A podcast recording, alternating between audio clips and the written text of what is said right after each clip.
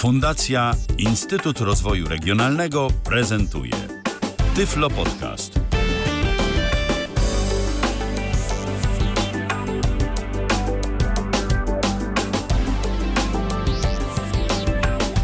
Dwudziesty pierwszy luty 2022 roku i 221 audycja Tyflo Przeglądu. No jak się ładnie złożyło. Taki zbieg okoliczności można powiedzieć.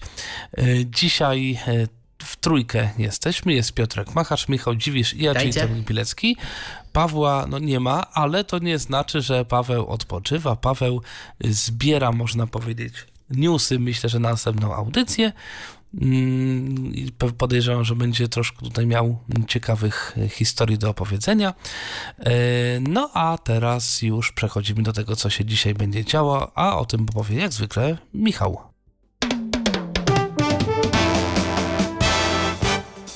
Tygodniu w Tyflo Przeglądzie. Nowe rejestratory Zoom pojawiają się u pierwszych użytkowników, również niewidomych. Wrażenia z nowych aplikacji Apple na Windowsie. Ukazał się pierwszy tutorial opisujący notatnik BT Speak.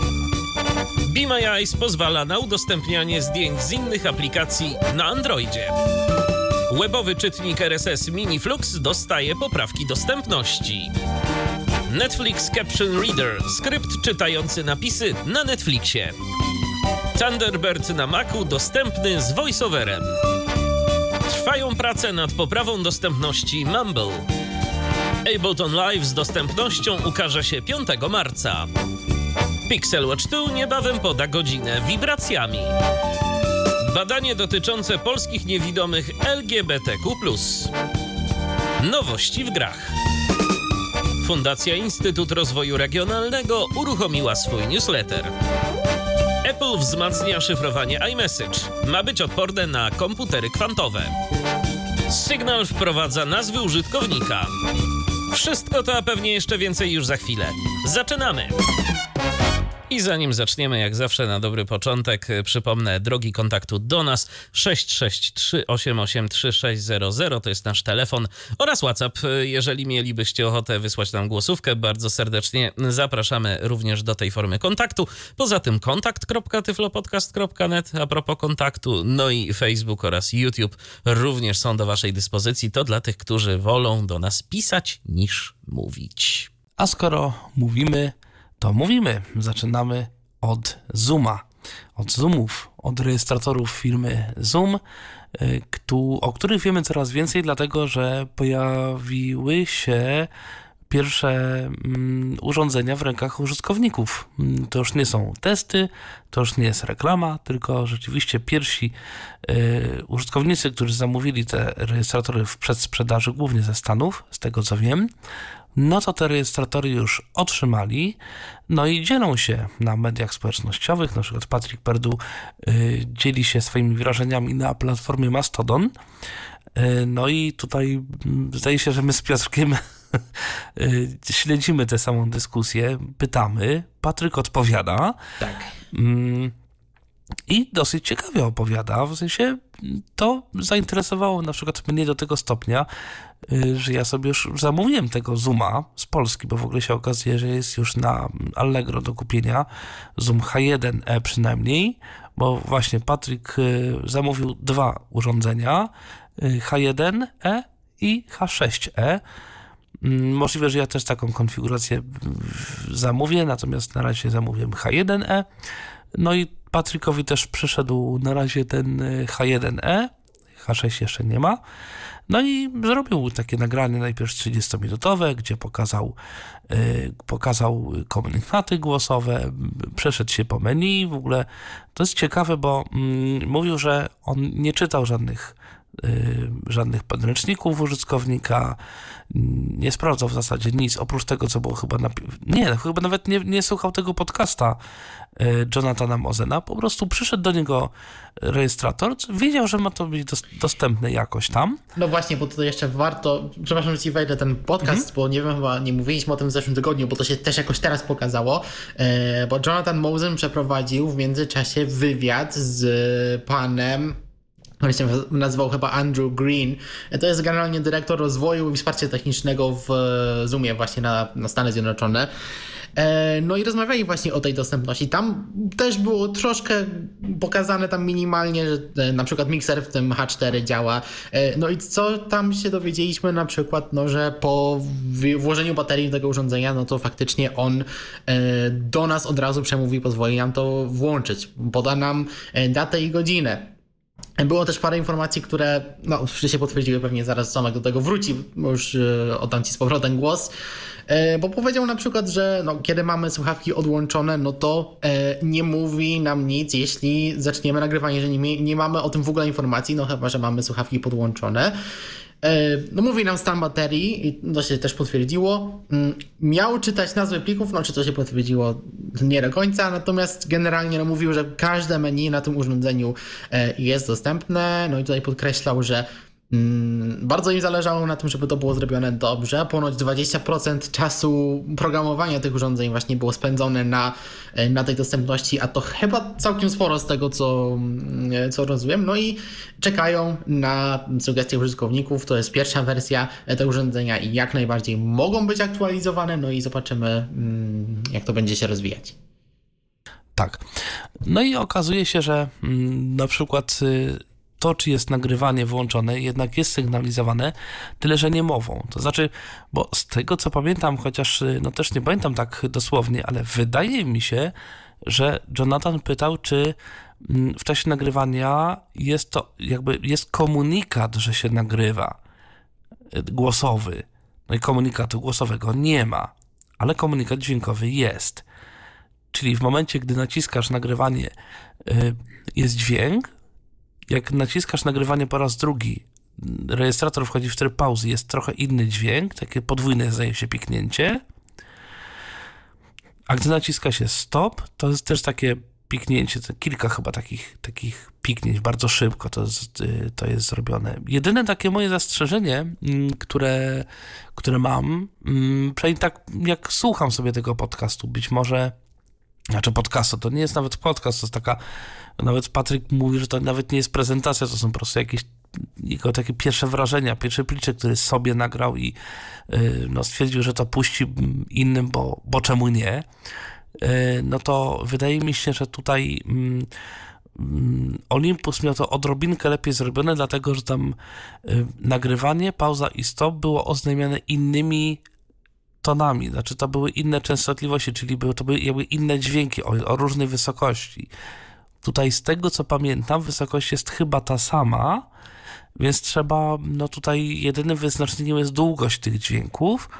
No wolałbym, żeby była długość plus yy, rzeczywiście ta zmiana, zmiana wysokości dźwięku, wtedy byłoby yy, to jeszcze wyraźnie sygnalizowane i myślę, że kilka osób miałoby z tym mniejszy problem, aczkolwiek no to już trochę czepiam się szczegółów, tak? Patryk też mówił, że jest kilka błędów w, w, w wymowie, że jest tam aksisy, jakoś inaczej to wymawiane, to, to słowo dostępność. To jest ciekawe, że jeden z takich chyba naprawdę nielicznych błędów, jeżeli chodzi o wymowę, jest właśnie w słowie dostępność. Tak. No, to taki... Też kiloherce są źle czytane, mój Tak, tak jakoś, jakoś tak. Ale to miejmy nadzieję, że to są. Tak, znaczy, to, są... to są po pierwsze nieduże nie błędy, możliwe poza tak. tym, że to mogą być jakieś e, trochę też e, wady wieku dziecięcego, być może, być może to zostanie poprawione. Tak w ogóle na stronie Zuma już można pobrać, e, co ciekawe, jest podręcznik użytkownika do H4 Essential, do H6 Essential, ale do H1 Essential jest nadal tylko taki quick tour, czyli taki szybki przewodnik. Nie ma pełnej wersji podręcznika. Niestety w tym podręczniku nadal są, jest jakby z naszej perspektywy wygląda to tak, że na przykład, aby przewinąć naciśnij, aby zatrzymać naciśnij. Tak? I jest po prostu obrazek i nie ma wyjaśnionego tego, co trzeba nacisnąć. E, nie ma, tak jak na przykład Native Instrument zrobił w e, Complete, w podręczniku do Complete osobny rozdział na temat dostępności, gdzie tam jest opisana mm, gdzie tam jest opisany mniej więcej układ przycisków, gdzie jest napisane, co trzeba nacisnąć, żeby włączyć dostępność, które to są przyciski. Tutaj nie ma czegoś takiego, więc no to też jest jakiś, jakiś błąd, aczkolwiek no to są takie błędy, które no o tyle można społecznością nie to, że naprawić, ale no, yy, no jeżeli nie ma czegoś w instrukcji, no to można zrobić swoją i to podesłać. Tak jakby można to mm, jakby się zorganizować społecznościowo i przynajmniej mm, w jakimś no, w tej, w tej konkretnej społeczności mieć to jakoś tam powiedzmy załatwione, tak? To znaczy, że jeżeli. Co już nieraz robiono możemy... zresztą przy okazji różnych rejestratorów. to się da zrobić, tak? Tak. Y, gorzej trochę może być na przykład ze spolszczeniem y, udźwiękowienia w sumie, dlatego że to jest plik jakiś binarny, w którym są zaszyte te wszystkie sample, to są na pewno sample na 100%, bo sprawdzałem, bo to się da od bidy odtworzyć, y, natomiast no, nie jest to takie łatwe do zmiany, to znaczy to nie da się podmienić sampli na własne, tylko no, trzeba by, nie wiem, napisać do, do, do firmy Zoom, mm, czy tam do kogoś i zapytać, że no powiedzmy chcielibyśmy zrobić spolszczenie, możemy to zrobić. No pytanie, czy ktoś z firmy to jakoś będzie w stanie zatwierdzić na przykład i no. zrobić w ten sposób, żeby te nasze sample y, no, zapisać w tym formacie który jest tam potrzebny do, do tego urządzenia, żeby, żeby to działało. A warto tutaj też y, tylko powiem zwrócić uwagę, że ogólnie nawet y, dla osób widzących ten interfejs nie jest spolszczony. Tam jest kilka języków, też osobno, osobna kwestia to, to, co mamy właśnie przewodnik głosowy, ale tam jak nawet Patryk przeszedł przez menu języków, no to tam generalnie były tylko te najbardziej popularne języki europejskie, czyli to był angielski, francuski, niemiecki, chyba hiszpański i to wszystko, no i był jeszcze chiński, japoński i to chyba było tyle. E, także nawet dla wyświetlacza to też tego, tak. tych języków jest kilka tylko. Tak, mm, tak, to się zgadza. E, no ale ciekawe, czy, czy właśnie mm, jakby, jakby się firma Zoom ustosunkowała do, do takiej prośby.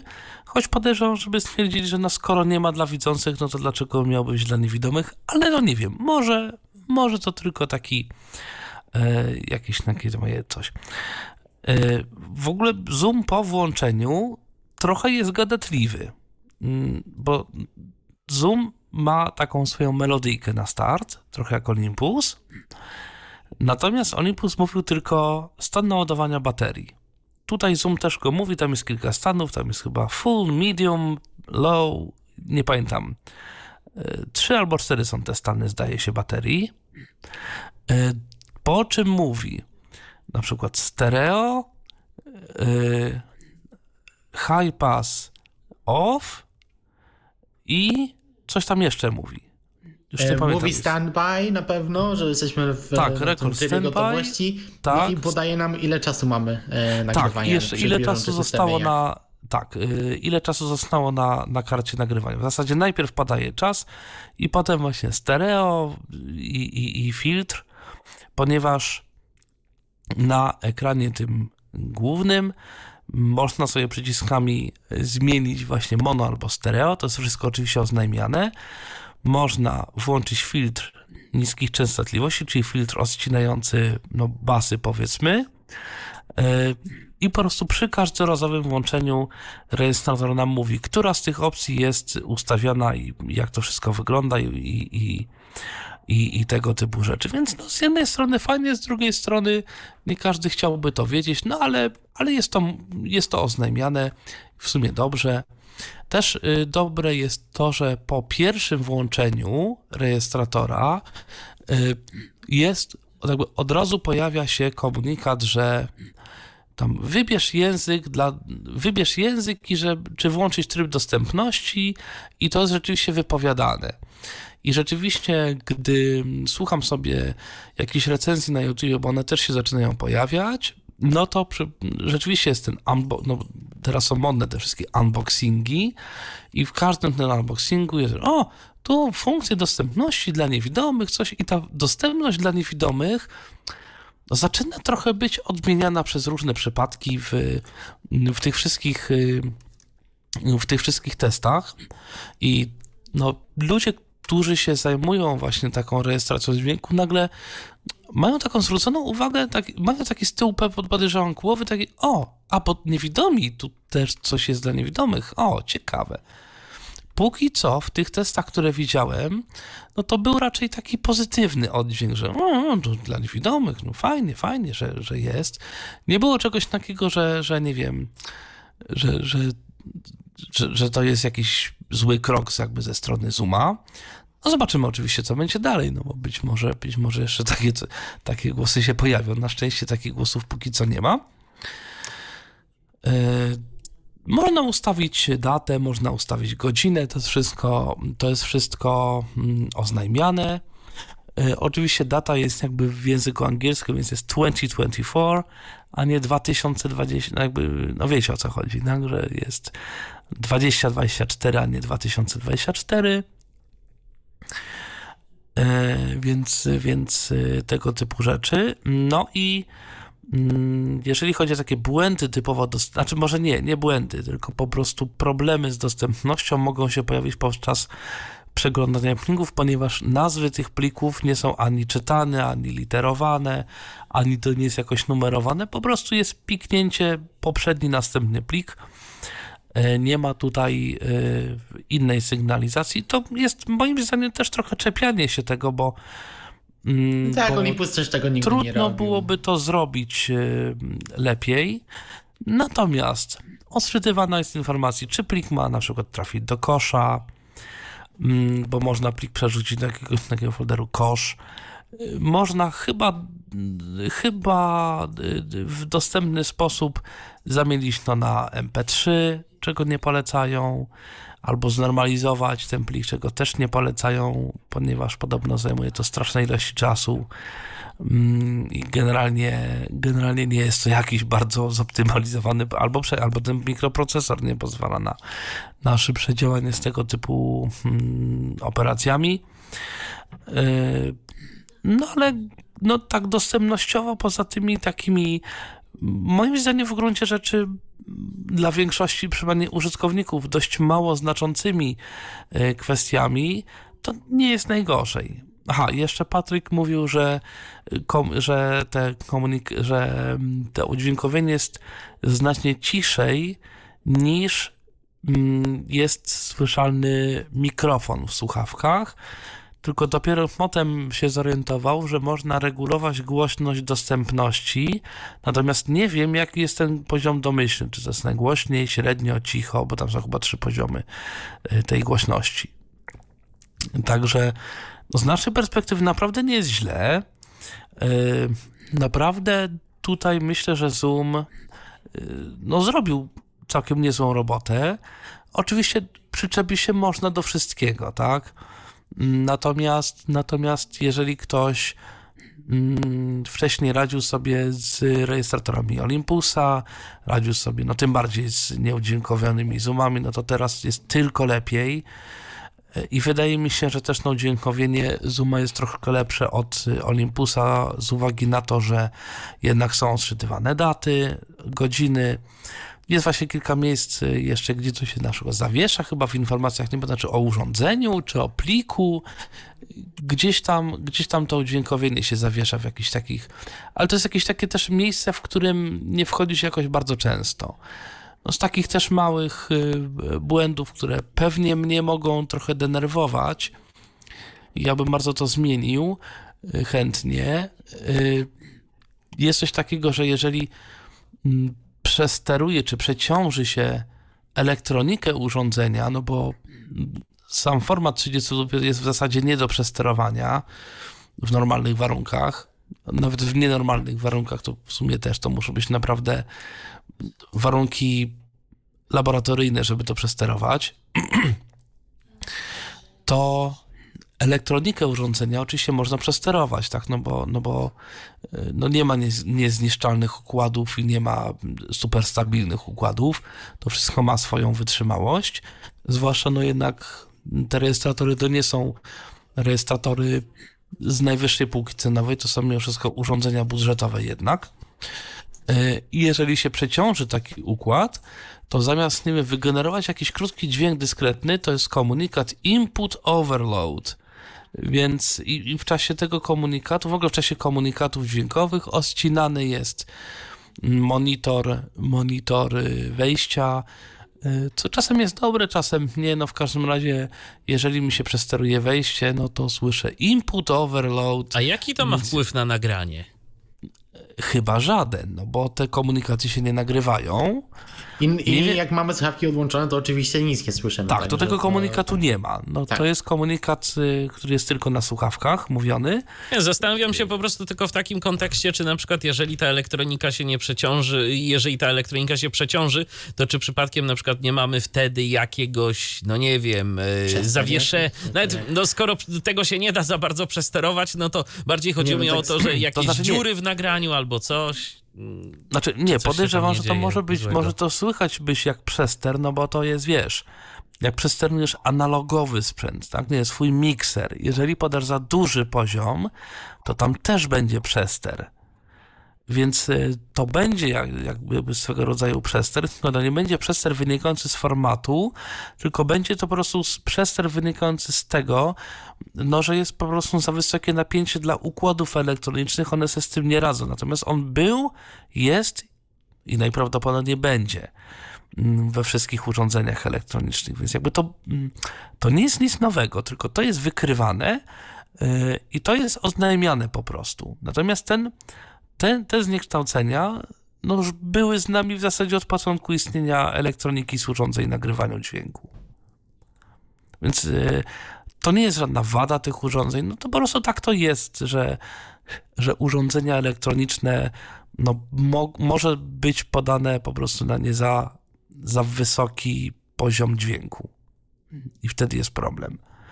Tylko tyle, że do, w urządzeniach cyfrowych było tak, że przeważnie zanim był, był ten problem z urządzeniami, dużo wcześniej pojawiał się problem z, no, związany z formatem dźwięku nagrywanym. Natomiast teraz ten problem z formatem dźwięku zniknął. No, myślę, że raczej nieodwołalnie zniknął. W sensie chodzi mi o to, że no, formatu 32-bitowego no, w normalnych warunkach, tak jak mówię, nie da się przesterować. To jest naprawdę niemożliwe fizycznie. Tam jest tak ogromny ten tak zwany headroom, czyli ten zapas, mm, to jest rzędu półtora tysiąca decybeli. To jest wartość absurdalnie kosmiczna. W związku z tym no, nie da się tego zrobić w zasadzie. To trzeba naprawdę warunków laboratoryjnych i prędzej dużo szybciej spalimy urządzenie niż doprowadzimy do przesterowania formatu 32-bitowego. No niemniej, y, niemniej elektronikę przesterować no właśnie można. Naprawdę można, ale to było można mm, i, i, i raczej będzie można. Natomiast, y, no i ostatnia sprawa, i o tym trzeba będzie zrobić, myślę, mm, osobny podcast. O tym już troszkę mówiłem ale mm, zastanawiam się, czy jakby jak, na ile to będzie w Zoomie w tych rejestratorach nowych potrzebne i będzie potrzebne. Tu trochę mm, w tych nowych rejestratorach będzie potrzebna, można powiedzieć, zmiana trochę sposobu myślenia, jeżeli chodzi o obróbkę nagrań. Do tej pory było tak, że w rejestratorze trzeba było ustawić poziom nagrywania no taki, żeby z jednej strony nie było zbyt cicho, bo się zacznie pojawiać szum elektroniki, albo szum tak zwanej kwantyzacji, czyli szum wynikający z właśnie formatu nagrywania. A jeżeli się ustawi zbyt głośno, to będzie przester. Więc trzeba było albo ustawić jakiś format kompromisowy, znaczy poziom głośności kompromisowy, no i przede wszystkim trzeba było przewidzieć, jaka będzie głośność tego, co nagrywamy i jakoś się do tego dostosować. No z tym był problem. Teraz tego problemu nie ma, bo nie ma w ogóle regulacji głośności nagrywania w żadnym z tych urządzeń. Ani w H1, ani w H4, ani w H6 Essential. Na, natomiast pliki, które przyjdą nam do komputera, one będą miały poziom powyżej tego tak zwanego 0 dBFS, czyli tego poziomu, który do tej pory był no, takim nieprzekraczalnym maksimum. Tutaj będzie to zdecydowanie przekraczalne. Patryk wysłał mi jedno nagranie, yy, no dość głośne, ale bez przesady, w którym ten poziom był bardzo, no konkretnie przekroczony. 20 dB to jest dużo. Yy, I jak go tworzyłem na, w programie, znaczy na, no w takim trybie, w którym nie było żadnych zabezpieczeń, to po prostu ten plik się przesterował. I gdybym to skonwertował do flaka, do MP3, te pliki też by się przesterowywały, więc to, co wcześniej robiło się przez regulację głośności nagrywania, teraz trzeba będzie zrobić yy, programowo poprzez no, jakąś normalizację, kompresję, czy co tam jeszcze kto sobie wymyśli, no przez obróbkę plików audio już po nagraniu. Yy, w związku z tym, no właśnie tutaj będzie no z jednej strony łatwiej, bo w ogóle nie ma tego problemu, jaki poziom dźwięku ustawić, bo tego się nie robi, bo to po prostu ma działać. Z drugiej strony, no trzeba będzie to zrobić później. Póki co jest to o tyle nie najłatwiejsze, że no trzeba otworzyć jakiś program do edycji dźwięku, Goldwave, Audacity, Reaper, czy kto czego tam jeszcze używa. Natomiast Natomiast y, ja bym kiedyś chciał spróbować zrobić, może mi się to uda zrobić z czatem GPT, ale nie wiem.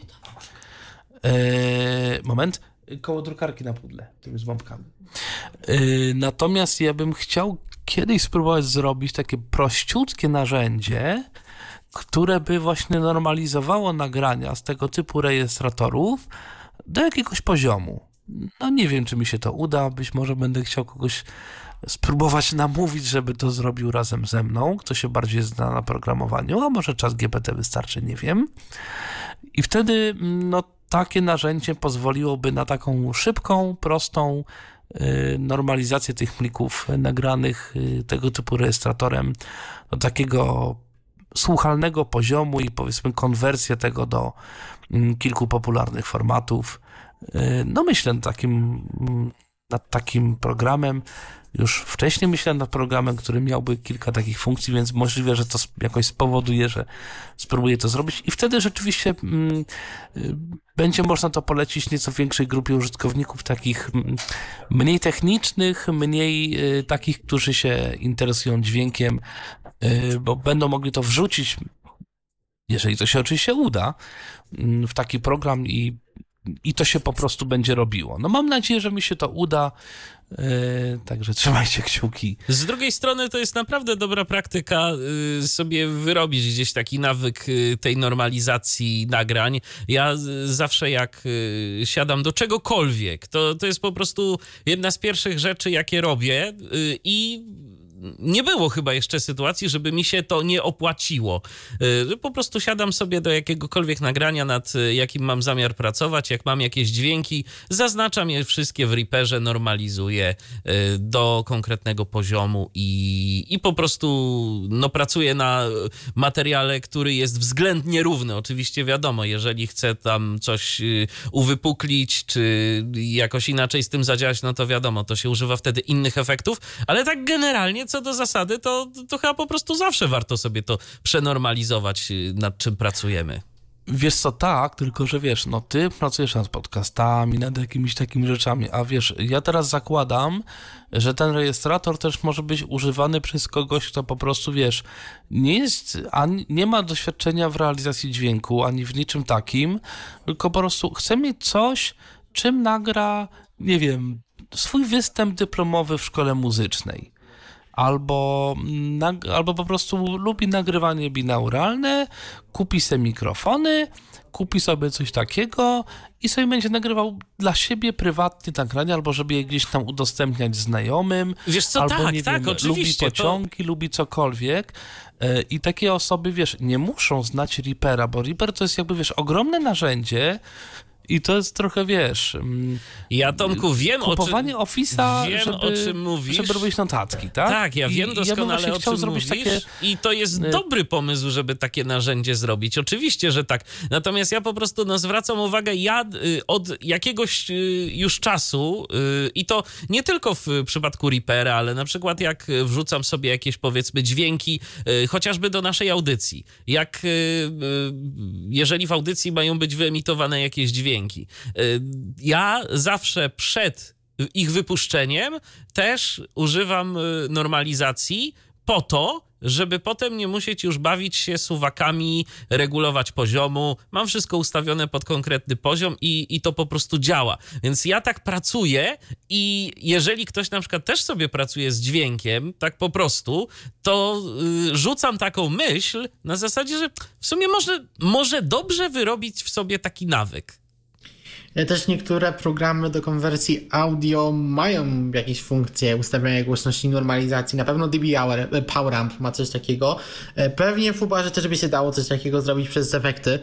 E, no to na pewno są bardziej skomplikowane rzeczy, ale no jeśli ktoś dużo planuje nagrywać, to no myślę, że faktycznie warto coś chociaż no, albo jakiś, zaopatrzyć się w taki program, albo chociaż właśnie jakąś podstawową wiedzę co do chociaż właśnie tego, e, no to warto po prostu sobie tutaj gdzieś posiąść taką wiedzę. Także na pewno y, pojawi się prędzej czy później w Tyflopodcaście audycja na temat y, taka szersza omawiająca ten problem z przykładami, y, no bo właśnie zamówiłem sobie tego Zooma już H1, bo jest już dostępny w Polsce, nawet w jakiś, na pewno na Allegro można to kupić. Mm, I nawet nie jest napisane, że to jest przedsprzedaż, więc no nie wiem, czy to jest już dostępne faktycznie w sklepach, czy po prostu nie ma informacji, że to jest przedsprzedaż, no to się okaże. No, ale jeżeli by faktycznie to było dostępne, no bo informację mam taką, że ma to przyjść w piątek. Że no może w piątek faktycznie to przyjdzie, nie wiem. Zobaczymy. No, y, także może będę mógł coś opowiedzieć. Może za tydzień jakiś unboxing. To znaczy tak, jeżeli będzie unboxing, y, bo mnie za tydzień prawdopodobnie nie będzie, też od razu mówię, więc jeżeli już, to prawdopodobnie nagram go wcześniej i po prostu y, pokażę, pokażę z nagrania, ale postaram się coś zrobić, jeżeli mi tylko oczywiście to wszystko przyjdzie. Także no, postaram się, żeby, żeby coś się pojawiło jak będę miał tylko.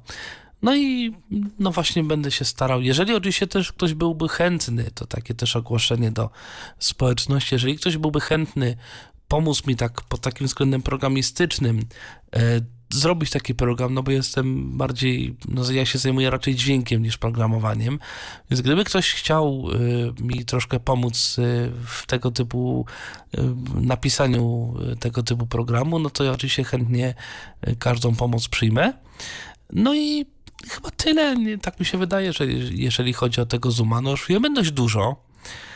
No i no myślę, że teraz już będą tylko jakieś, mam nadzieję, no, szczegóły, które, które coś nam poprawią. No, nie jest tak źle, jak e, gdzieś tam miałem pewne obawy. Czasami firma Zoom potrafi e, zrobić jakieś, e, znaczy w jakichś restauratorach mieć jakieś błędy, jak oni w ogóle wprowadzali pierwszy swój taki rejestrator na rynek, H4 Zoom, Mm, to on miał taki problem polegający na tym, że w niektórych częstotliwościach próbkowania, jeżeli się podłączało mikrofon i ustawiło w nim to tak zwane zasilanie fantomowe, to pojawił się pisk w nagraniu. Nie wiadomo dlaczego. Tam ktoś, elektronika, coś i oni stwierdzili, no to w następnej, w następnym modelu to poprawimy, ale a teraz nie będziemy poprawiać. Także no, czasami Zoom ma takie właśnie dziwne, dziwne rzeczy, natomiast no tutaj na razie nikt nie odkrył niczego takiego, no, no miejmy nadzieję, że, że będzie tylko lepiej, no ale zobaczymy. Także nie, czy Piotrze jeszcze chciałbyś coś dodać, czy przechodzimy e, dalej? E, może takie jedno małe jeszcze sprostowanie, bo dawno, dawno temu mówiliśmy, że mm, a propos tego trybu USB, który może teraz jednocześnie też nagrywać na kartę. Mówiliśmy, że Hayeren tego nie będzie miał. Nie, ma też. E, I co ciekawe, tutaj Patryk też to pokazywał. E, tam jest jedno fajne rozwiązanie, jeśli używamy tego urządzenia tak. jako mikrofonu. Można je sobie wyciszać przyciskiem dużym do nagrywania. Co no myślę jest całkiem fajnym rozwiązaniem. Tak, chociaż myślałem, że powiesz o tym, że można nawet bez podłączenia USB włączyć ten tryb. A no, no to też takie też, śmieszne. Tak, to taka ciekawostka.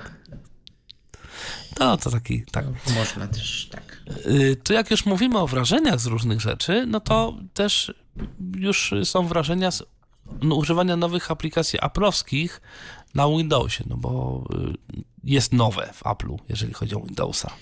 E, tak, bo tydzień temu Paweł o tym krótko mówił, że generalnie iTunes jest pomału gdzieś e, wypierany. O tym się mówiło od jakiegoś czasu, bo Apple szukało inżynierów, e, później była jakaś beta, która była jakiś czas dostępna na Windowsie 11. Ja myślałem, że te aplikacje finalnie tylko tam będą dostępne. No nie, okazuje się, że one też na Windowsie 10 jak najbardziej są, więc możemy sobie przejść do sklepu. E, są to aplikacje trzy. Paweł pokrótce o ich dostępności mówił, no właściwie cztery, jeśli liczymy iCloud, ale iCloud to już tam w sklepie był. E, iTunes w ogóle, co ciekawe, jeszcze zostaje, ale tylko dla tych, którzy e, chcieliby sobie słuchać podcastów i audiobooków e, od Apple'a, a do wszystkiego innego są osobne aplikacje. E, mamy aplikację Apple Music, e, Apple TV do filmów zarówno zakupionych, wypożyczonych i, no, i tego, ich serwisu streamingowego e, i Apple Devices do synchronizacji urządzeń. Właśnie tej jedynej aplikacji niestety osobiście nie, nie testowałem, nie mogę się wypowiedzieć, bo swojego iPhone'a synchronizuję z Maciem swoim, a generalnie gdzieś podłączanie w iPhone'a do innego komputera, on czasami lubi gdzieś te dane skasować, nie chciałem sobie niechcący mm, jakoś danych e, usunąć, natomiast wiem, że tam jakieś niezaetykietowane przyciski są tak samo zresztą jak w aplikacji iCloud. E, tam można na nawigacją obiektową sobie pomóc, rozejrzeć się po tym oknie i zobaczyć, co się dzieje. Natomiast mam już więcej doświadczenia z dwoma pozostałymi aplikacjami, yy, właśnie Apple Music i Apple TV. Apple Music ostatnio testuje dość intensywnie, bo planuje przesiadkę na tą platformę e, streamingową i e, co mogę powiedzieć? No generalnie to są wszystkie aplikacje uniwersalne, więc one są responsywne. To się nie ładuje pół minuty czy tam minutę jak iTunes kiedyś, e, tylko coś startuje, nie wiem, w 5-10 sekund, chyba trochę szybciej jak Spotify nawet. No i to jest taka aplikacja natywna, więc my sobie tam możemy chodzić tabem, e, możemy chodzić strzałkami i to jest naprawdę bardzo fajnie responsywne. No, fakt jest taki, to jest generalnie gdzieś bolączka wszystkich współczesnych aplikacji na Windowsie, mam wrażenie, no trochę jest tabowania, tak? Bo mm, mamy e, ten pasek boczny, na którym mamy trochę tak, jak jeśli ktoś korzystał z Apple Music na iPhone'ie, to mamy te zakładki słuchaj, posłuchaj teraz, przeglądaj, e, szukaj, pod spodem mamy bibliotekę swoją, e, która jest tam podzielona na artystów, playlisty. No tutaj mamy taki jeden pasek boczny, te sekcje właśnie z playlistami możemy sobie zwijać, rozwijać. Do wszystkiego też są skróty. E, no i tutaj też pierwsza taka rzecz z tymi skrótami, one są takie bardzo specyficzne, e, bo to są skróty, które przypominają trochę rzeczy, które musimy robić na przykład na szczątce w Office, bo na przykład żeby przejść do tej sekcji posłuchaj, teraz naciskamy Alt, N i L. I jak my te skróty naciskamy, to nie jest tak, że gdzieś nam fokus przeskakuje do tego paska bocznego. To naciskamy Alt, nic się nie dzieje. Naciskamy N, cały czas nic się nie dzieje. Naciskamy L i dopiero wtedy nam e, fokus przeskakuje w to odpowiednie miejsce. I tak dużo skrótów tej aplikacji, tych e, gdzieś do nawigacji działa. Na szczęście nie wszystkie, bo na przykład Ctrl F to jest wyszukiwarka i ona już nam działa bardzo fajnie, łącznie z tym, że wykorzystuje, tak jak na Macu zresztą, natywne wsparcie dla autouzupełniania na Windowsie, więc jak będziemy pisać, jeśli na przykład mamy NVDA, to usłyszymy ten dźwięk taki charakterystyczny możemy sobie szczałkami e, przeglądać sugestie, to jest bardzo fajnie zrobione. E, no samych list też jest dużo, no właśnie na przykład tej sekcji posłuchaj teraz, no to możemy trochę tabem chodzić, bo mamy kilka grup tych list. Na szczęście nawigacja po nich działa szybko. Natomiast jeśli chodzi o samo odtwarzanie piosenek, E, mamy trochę skrótów. Mamy skróty do pauzy, do przeskakiwania pomiędzy ścieżkami, do przywijania do przodu i do tyłu, do zmiany głośności.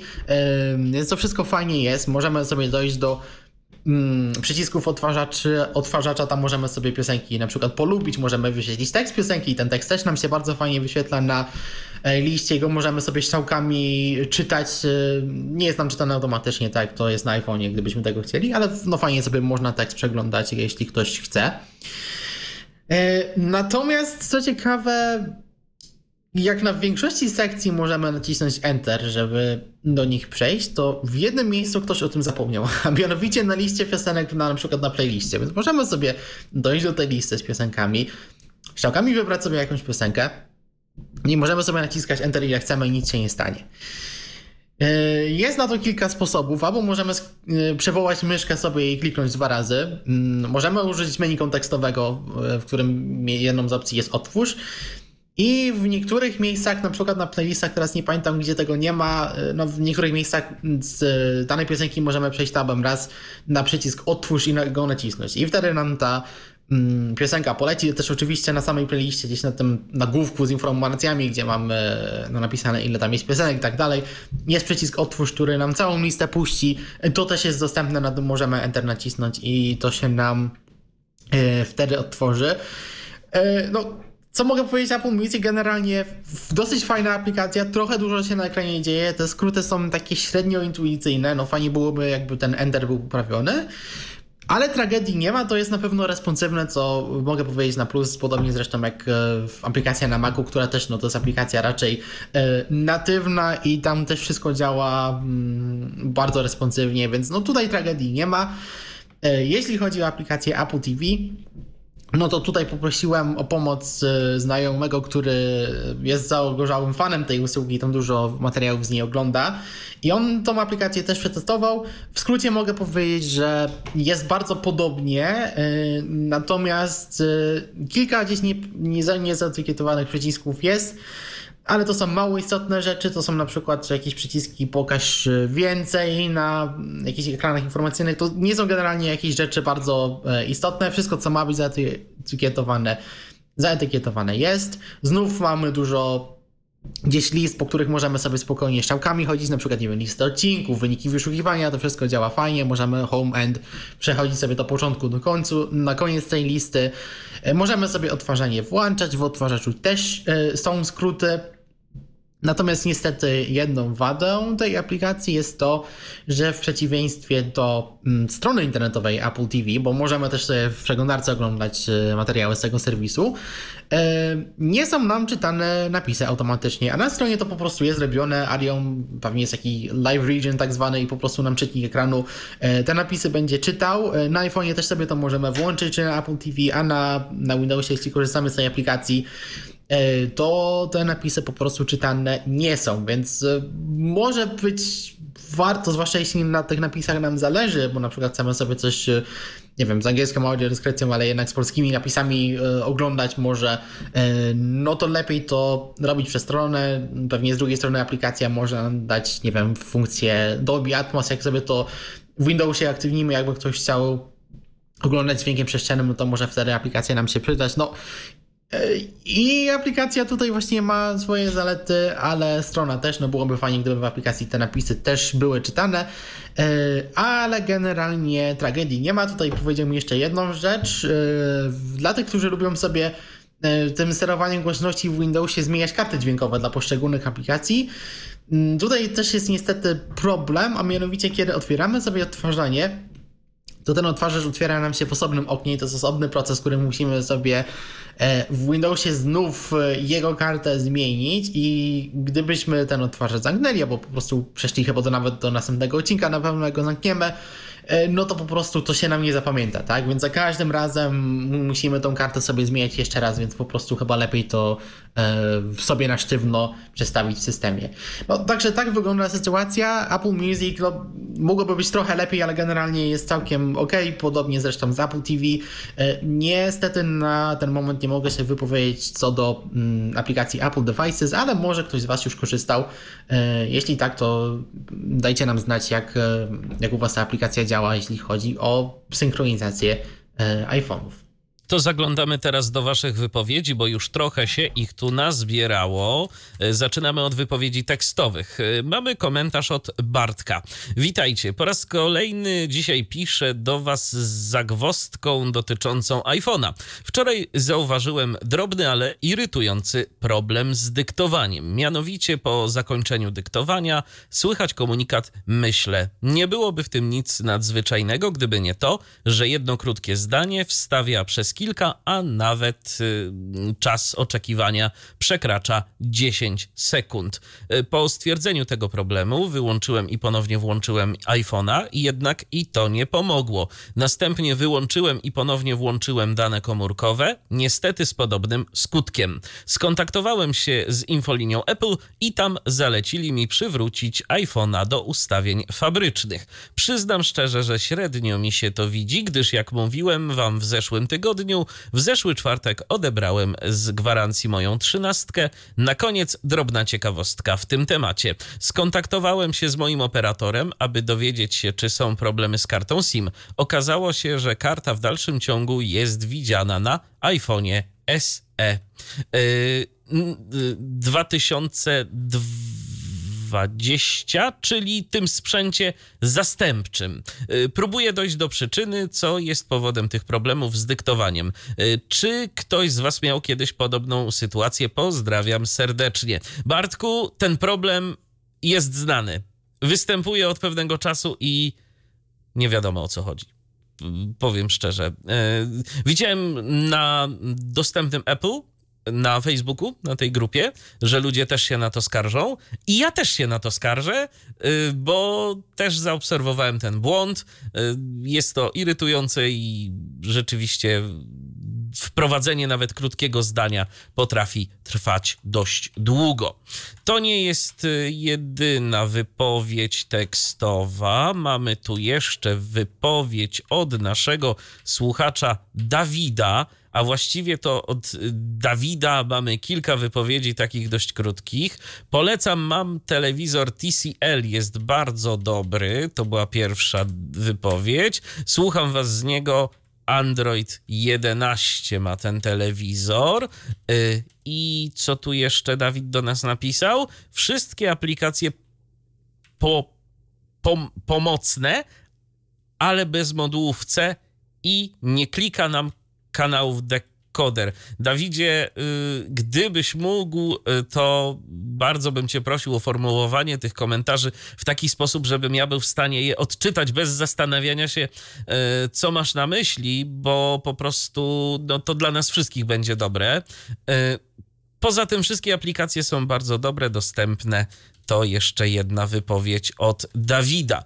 I to były komentarze tekstowe ale to nie jest wszystko, bo tu mamy jeszcze od Marcina wypowiedzi głosowe. No to posłuchajmy.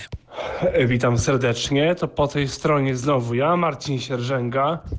Nie piszę to pierwszy raz, piszę tu chyba drugi raz, o ile się nie mylę. Tak, drugi raz. W zasadzie nie piszę tu be, mm, bez powodu. Do czego zmierzam? Do tego, że niedawno na YouTubie ukazało się ogłoszenie, oficjalne ogłoszenie, które prezentuje pojawienie się na Eleven Labsie efektów dźwiękowych, właściwie opcja tworzenia efektów dźwiękowych. I ci, którzy chcą, no o ile to się sprawdzi, bo to na pewno mi się wydaje, że jest od groma chętnych, osób do tego, żeby dostali wczesny jakby dostęp do tego. Ci, którzy chcą stworzyć jakby y, efekty dźwiękowe i nie mogą się doczekać, doczekać tego, y, czy się ta opcja pojawi, bo ta opcja pojawi się już wkrótce. Ci, którzy chcą uzyskać wczesny dostęp do tego, proszę jakby wejść w link Eleven Labsa na blogu, Eleven Labsa właściwie, nie wiem jak się ten adres nazywa dokładnie, już nie pamiętam, ale proszę wpisać w Google. AI Sound Effects for Eleven Labs coming soon. Albo proszę po prostu sobie wpisać w Google Eleven Labs Sound Effects. I wtedy wyskoczy Wam taki link, proszę sobie poszukać linku AI11 Labs Sound Effects Coming Soon. I ci, którzy chcą uzyskać taki wczesny dostęp do tego, mm, do tej opcji tworzenia efektów dźwiękowych na 11 Labsa, proszę jakby y, wejść w link, który podano w artykule, który tam zamieścili. Proszę wypełnić formularz, proszę napisać swoje imię, napisać maila i odpowiedzieć na parę pytań. Do jakich celów tam te efekty chcielibyście wykorzystać, do jakich y, jakby y, celów, na jakie strony, czy na YouTube'a, czy, na, czy do celów do tworzenia efektów dźwiękowych do gier, do telewizji, do radia, czy do jakby do własnych celów osobistych. E, Proszę jakby na te pytania wszystkie odpowiedzieć, bo tam tych pytań jest trzy. W tym takie pole do wypełnienia, gdzie trzeba wpisać, y, co, czego się oczekuje jakby od y, tworzenia takiego efektu i kliknąć submit, y, potwierdź i wtedy no, wystarczy tylko czekać niestety, trzeba czekać na to, bo jeszcze jedna opcja tutaj mm, ma wejść do Eleven Labsa, ale jakby wysłałem tego maila na Eleven i jeszcze czekam na wiadomość od nich. Także jeżeli będziecie niecierpliwi, no to niestety będziecie niecierpliwi, będziecie musieli trochę poczekać. Fakt faktem te efekty wyjdą. Y, Opcja tworzenia efektów dźwiękowych jakby wyjdzie w, wyjdzie w życie niedługo, już niedługo, bo to już zostało ogłoszone y, osobiście na Eleven Labsie. I proszę jakby być cierpliwy i czekać. No niestety ja do tych cierpliwych osób nie należę. Ze względu na to, że no trochę, trochę no, tam, no tak jak mówiłem, zdrowie szwankuje. Yy, te informacje, które ja wam teraz przekazuję, mogą być trochę zabałaganione, może być trochę niejasności, ale myślę, że spokojnie sobie dacie jak najbardziej radę. Pozdrawiam i no, życzę oczekiwania na tworzenie efektów dźwiękowych. Nie wiem, jakie tam będą płatności, nie wiem, jakie będą procedury w związku z planami subskrypcyjnymi. W każdym razie nie zawsze mnie na takie, taką, taką przyjemność, jeśli chodzi o korzystanie z Eleven, Labsa stać, bo do osób, o czy bogatych, czy niebogatych, no nie należę. Y, Fakt, faktem, że te pieniądze jakby na co innego też idą i też nie mogę sobie jakby tu pozwolić. Także y, proszę być cierpliwy i proszę czekać na y, w razie czego po wypełnieniu takiego formularza na blogu Eleven Labsa na wczesny dostęp do tej opcji. I myślę, że będziecie całkiem zadowoleni, bo to, bo YouTube, co, to co pokazał Eleven Labs na YouTubie, moim zdaniem brzmi do tej pory jak na wszystkie strony, które się pokazały do tworzenia efektów dźwiękowych audio, bardzo obiecująco i bardzo realistycznie. Także proszę, proszę być cierpliwy i jeżeli będziecie zainteresowani, proszę to pole jakby sobie ten formularz wypełnić. Pozdrawiam i do usłyszenia. Trzymajcie się. No i do następnego napisania oczywiście na łamach Tyflo Przeglądu. Cześć. A, jeszcze sobie przypomniałem, bo usłyszałem, usłyszałem dzisiaj na łamach Tyflo Przeglądu, że 5 marca będzie dostępny Ableton Live wersji 12. No jakby y, można powiedzieć, że czekam na pojawienie się tego Abletona, ponieważ no, on zalicza się do najpopularniejszej trójki do właściwie do jednego programu z, tych, y, z tej popularnej trójki y, programów, przynajmniej tak moje jakby, na moje wizje, moje przeczucia, aby się to sprawdza. I już napisałem tego maila na wczesną jakby wczesne testowanie bety, ale niestety nie otrzymałem odpowiedzi do tej pory. Być może ze względu na to, że no już ten program się pojawi niedługo, w sumie się przestałem dziwić. W każdym razie ta informacja mnie ucieszyła i no jestem, będę gotowy testować ten program. Nie wiadomo się przez ile dni testuję, czy przez 30, czy przez 2 miesiące, 3 miesiące. Tego nie wiem. W każdym razie ta informacja mnie bardzo ucieszyła i również jakby życzę szczęścia. I w korzystaniu z tej, z tej, z tej aplikacji jakby z y, być może, być może to będzie jedna z aplikacji dla osób y, niewidomych, która będzie przyjazna, właściwie. Będzie to jedna z aplikacji, która będzie przyjazna dla osób niewidomych i słabowidzących w korzystaniu z takiej aplikacji z czytnikiem ekranu. No i już nie przeszkadzam, już nie zatruwam, że tak powiem, tutaj y, audycji i tak dalej. Do zobaczenia. Jest 100 tysięcy kolejnych osób, które, które chcą na pewno napisać audycję. Przepraszam, nie audycję, wiadomość i się wysłowić nie mogę. Do zobaczenia i do usłyszenia jeszcze raz. No i oby się ten Ableton, Ableton sprawdził jak najbardziej. Do usłyszenia i dobranoc. Już nie przeszkadzam. Właśnie wypełniam sobie ten kwestionariusz na Eleven Labsa, także no być może też mm, będę miał co testować na kolejne audycje No jestem ciekawy jak to wyjdzie, bo generalnie z tymi efektami dźwiękowymi to było różnie, że tak powiem, jeśli chodzi Było o to, różnie, jak z to drugiej AI strony robiło. tak, z drugiej strony Eleven Labs raczej mm, jak coś robi, to stara się to robić przynajmniej dość dobrze. Więc jest no tak. szansa. Tam jest jakiś film, y, który mają na tym blogu, no te dźwięki, które tam wychodzą, no to brzmią dobrze. A czy to rzeczywiście wyjdzie dobrze, no to zobaczymy, bo rzeczywiście AI do tej pory różnie sobie z tym radziło. No być może właśnie Elevena stwierdził, ok, skoro tak, to my zrobimy dobrze. Nie wiem, zobaczymy. Demo brzmi dobrze, ale demo często brzmi dobrze. Jakże tak, zobaczymy. Yy, No to w takim razie chyba przechodzimy do mm, newsów. Yy, A Może jeszcze nie. newsów, bo Jeszcze jeszcze nie, nie. jeszcze z poprzedniej audycji. Tym razem od Michała, bo ukazał się pierwszy no, taki przewodnik opisujący notatnik BT Speak. BT Speak. BT Speak, czyli e, to jest e, to, co nowego ma nam do zaprezentowania i zaproponowania pan Dean Blasey, e, czyli ten człowiek od Braille Speaków, Braille'itów, który kiedyś tworzył te popularne i cenione przez niewidomych urządzenia.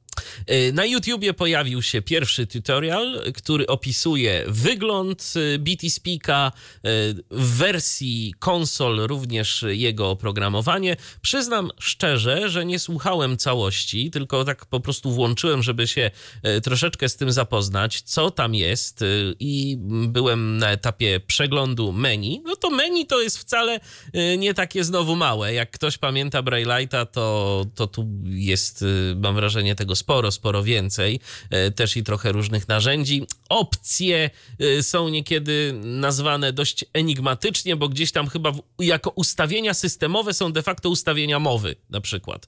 E, Więc to tak widać, że to jest trochę taki duży work in progress. I teraz jest jeden zasadniczy problem z tym urządzeniem który wyszedł w tutorialu mm, i na co zwróciło uwagę kilka osób. Niestety, ale BT Speak przynajmniej na tych nagraniach urywa początki y, niektórych słów. Też to zauważyłem i to jest... To jest straszne, no jak na urządzenie, które jest y, stworzone z myślą o niewidomych i którego i głównym kanałem wyjściowym jest synteza, to ja się pytam, co tu się wydarzyło po prostu. Ja mam pewną teorię i ona też mi wynikła y, z tego tutoriala. Mianowicie y, prowadzący te, ten, y, te audycje, ten, ten tutorial, człowiek, który to nagrywał, wspomniał o jednej rzeczy, że tam mamy port USB-C. Tak, tam nie I- ma wejścia słuchawkowego. Tak, tam nie ma wyjścia słuchawkowego. I dla, y, na potrzeby nagrywania tego tutoriala została użyta przejściówka, która y, jest y, po prostu no, de facto jakąś kartą zewnętrzną, y, którą się podpina na to USB-C. Przejściówka jest dołączana w zestawie. No super. Być może zatem w przypadku głośników to to nie występuje. No ale występuje to niestety, przynajmniej jak na razie, w, no, w, na tej przejściówce. Y, sam pan Blazy się odniósł do tematu i powiedział, a właściwie napisał, tak, jesteśmy świadomi zaistniałego problemu, sprawdzamy, co się właściwie stało, y, nie ignorujemy tego y, problemu i będziemy badać sytuację, damy znać, jak coś się zmieni. Natomiast, no tak zastanawiam się trochę naprawdę, jaki był w ogóle pomysł nagrywania tego tutoriala na takim etapie. Czy ktoś tego nie zauważył? bo już jest tak zaznajomiony po prostu z tym sprzętem, że nie zwraca uwagi na to, że mu początki Yy, Ale że mu to tekstów. nie przeszkadza, bo jak ja bym tak, nie wiem, przyspieszył sobie tą mową, tam było to wiadomo zwolnione tutoriale. Załóżmy, że no. ja to przyspieszam sobie, bo chcę pisać albo literować coś, to... No to, to, to okropnie. No więc taki, więc ja bym premierę tego urządzenia to na razie określił mianem fall startu. Zobaczymy jak będzie dalej, na pewno będę się temu przyglądał. E, swoją drogą, tam w ogóle taka ciekawostka, jeżeli znalazłem na stronie BT Speaka, wcale nie tak łatwo do tego dojść, ale gdzieś tam była zaszyta dokumentacja nawet do tego urządzenia. E, a właściwie ja bym powiedział jakiś zalążek dokumentacji, bo ona taka e, dość skromna jak na razie. E, tam trzeba się zalogować. Chyba można przez Google'a, można też hasłem i można sobie pobrać te dokumentacje. To są zwykłe pliki tekstowe. Można sobie to poczytać, ale tak naprawdę, no, y, na razie widać, że to jest jeden wielki, taki mam wrażenie, rozgrzebany projekt, a strona produktu już zachęca do zakupu. No to nie wygląda dobrze. Ciekawe, czy te szablony usunęli w końcu z tej strony. No właśnie. No właśnie. Więc, więc ciekawe, jak kiedyś naprawdę, no bo y, ja z y, Braille'item mam bardzo dobre wspomnienia. Ja ten notatnik bardzo dobrze wspominam, bo jest po prostu, właściwie był jak na tamte czasy, no, symbolem takiego bardzo, ale to bardzo stabilnego działania. To urządzenie po prostu można było wyłączyć, włączyć po iluś latach i w zasadzie byliśmy w tym samym miejscu pliku, e, w którym go wyłączyliśmy. Nic się nie stało. Potem jak się pojawiły packmate'y, e, które potrafiły z pamięci urządzenia wszystkie dane sobie nagle wykasować, bo bateria się wyczerpała, no to to był zdecydowany regres. Natomiast no teraz to, co się dzieje z nowymi produktami, to tak się zastanawiam, czy to naprawdę o to chodzi, żeby coś takiego sprzedawać.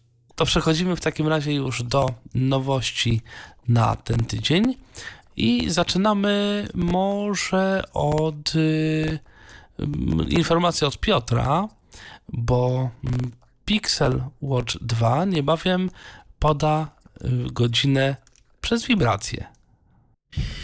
Dokładnie, to jest coś, co jeśli ktoś ma Apple Watcha, no to będzie znał tą funkcję, no bo po prostu możemy sobie go tak ustawić, że stuknięcie w tarczę zegarka nam poda czas z wibracjami e, bez e, podawania jej przez głośnik, tak żeby wszyscy słyszeli, że sobie tutaj sprawdzamy, która godzina jest.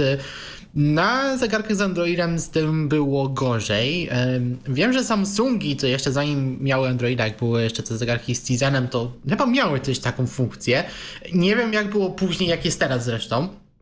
Bo tutaj ten artykuł e, odnosi się konkretnie do Pixel Watcha i to drugiej generacji, bo tam ponoć jest jakaś lepsza haptyka stosowana, e, więc może coś podobnego, co właśnie w Apple Watchach na przykład.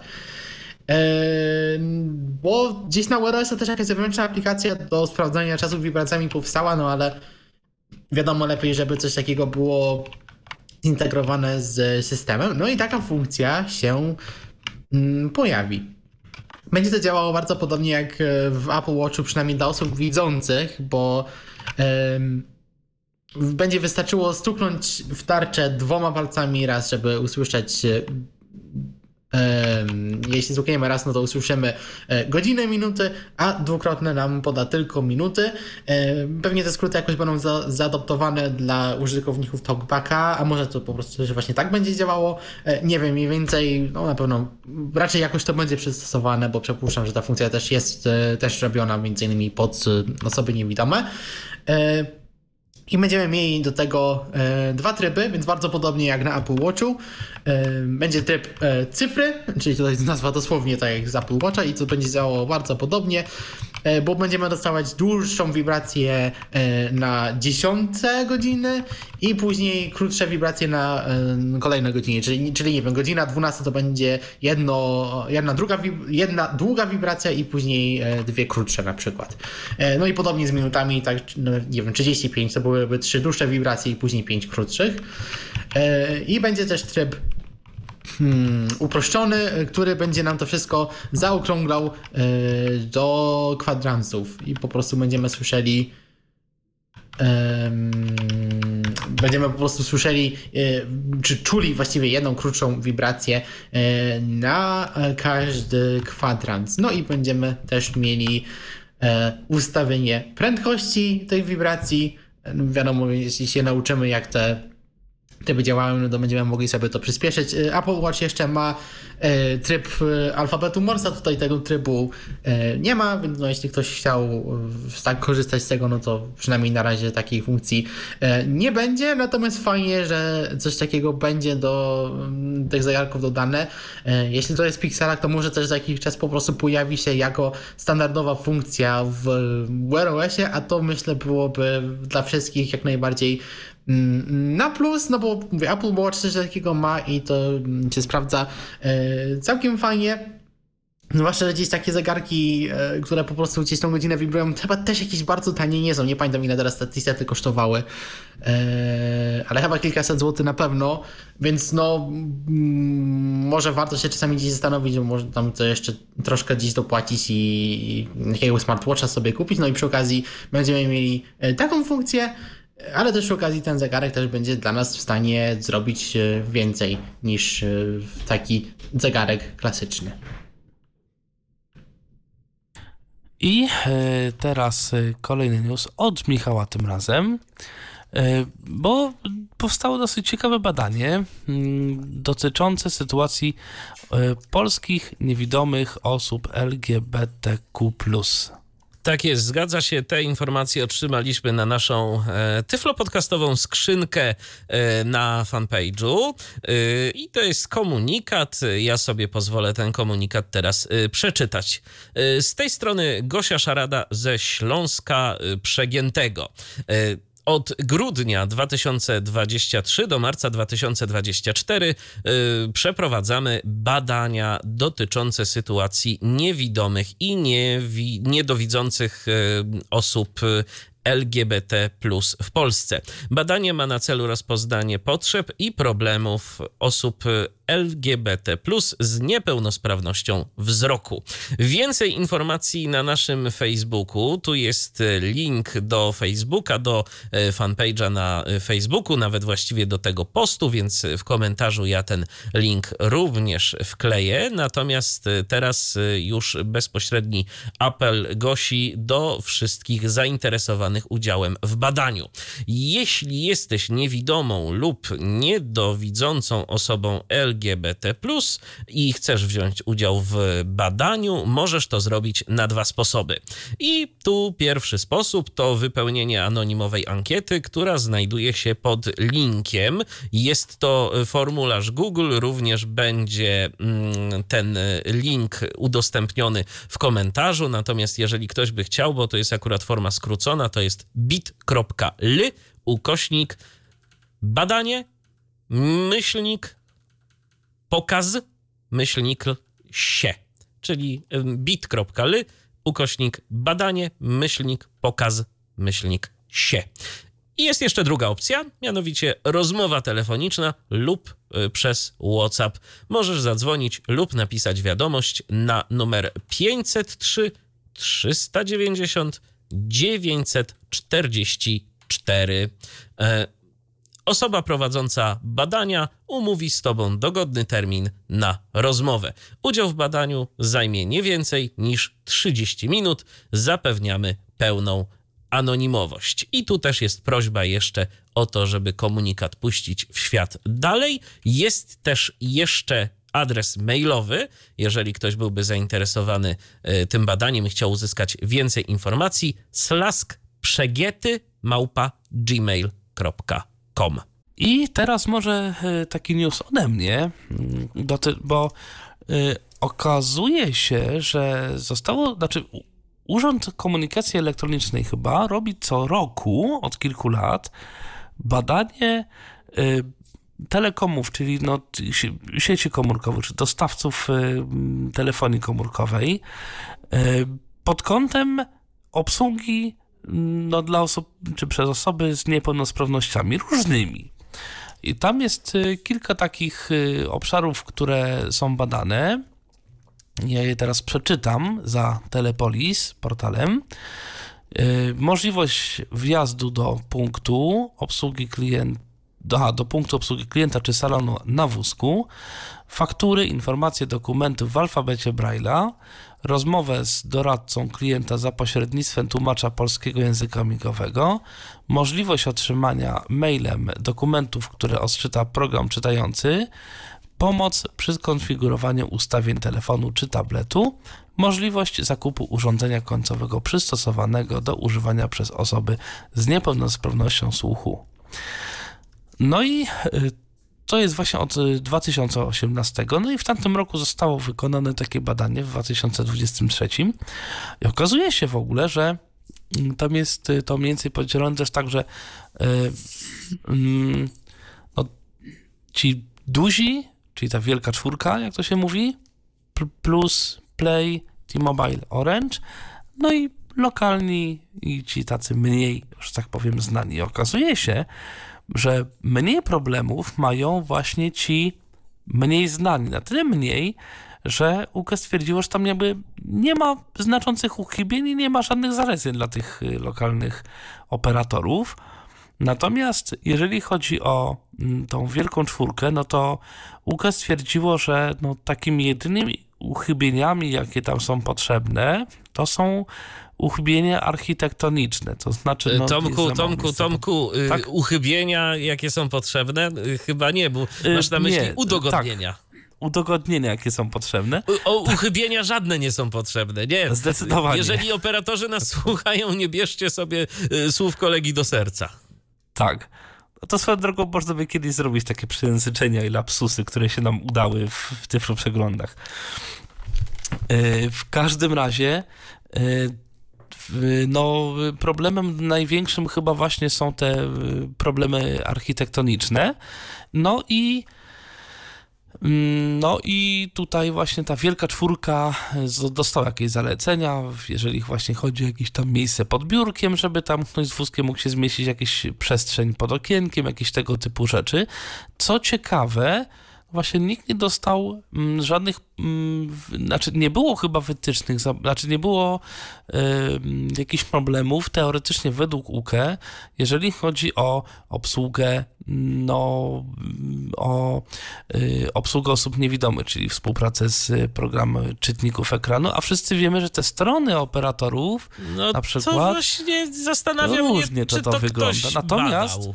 No, no właśnie, no chyba nie, dlatego że jeżeli tam jest napisane, że y, możliwość otrzymania mailem dokumentów, które odczyta program czytający oraz y, do, dokumenty, faktury, informacje w alfabecie Braille'a. Więc to są takie rzeczy, które badali w kontekście nas, osób niewidomych. Tam nic nie było na temat tego, że strona ma być dostępna.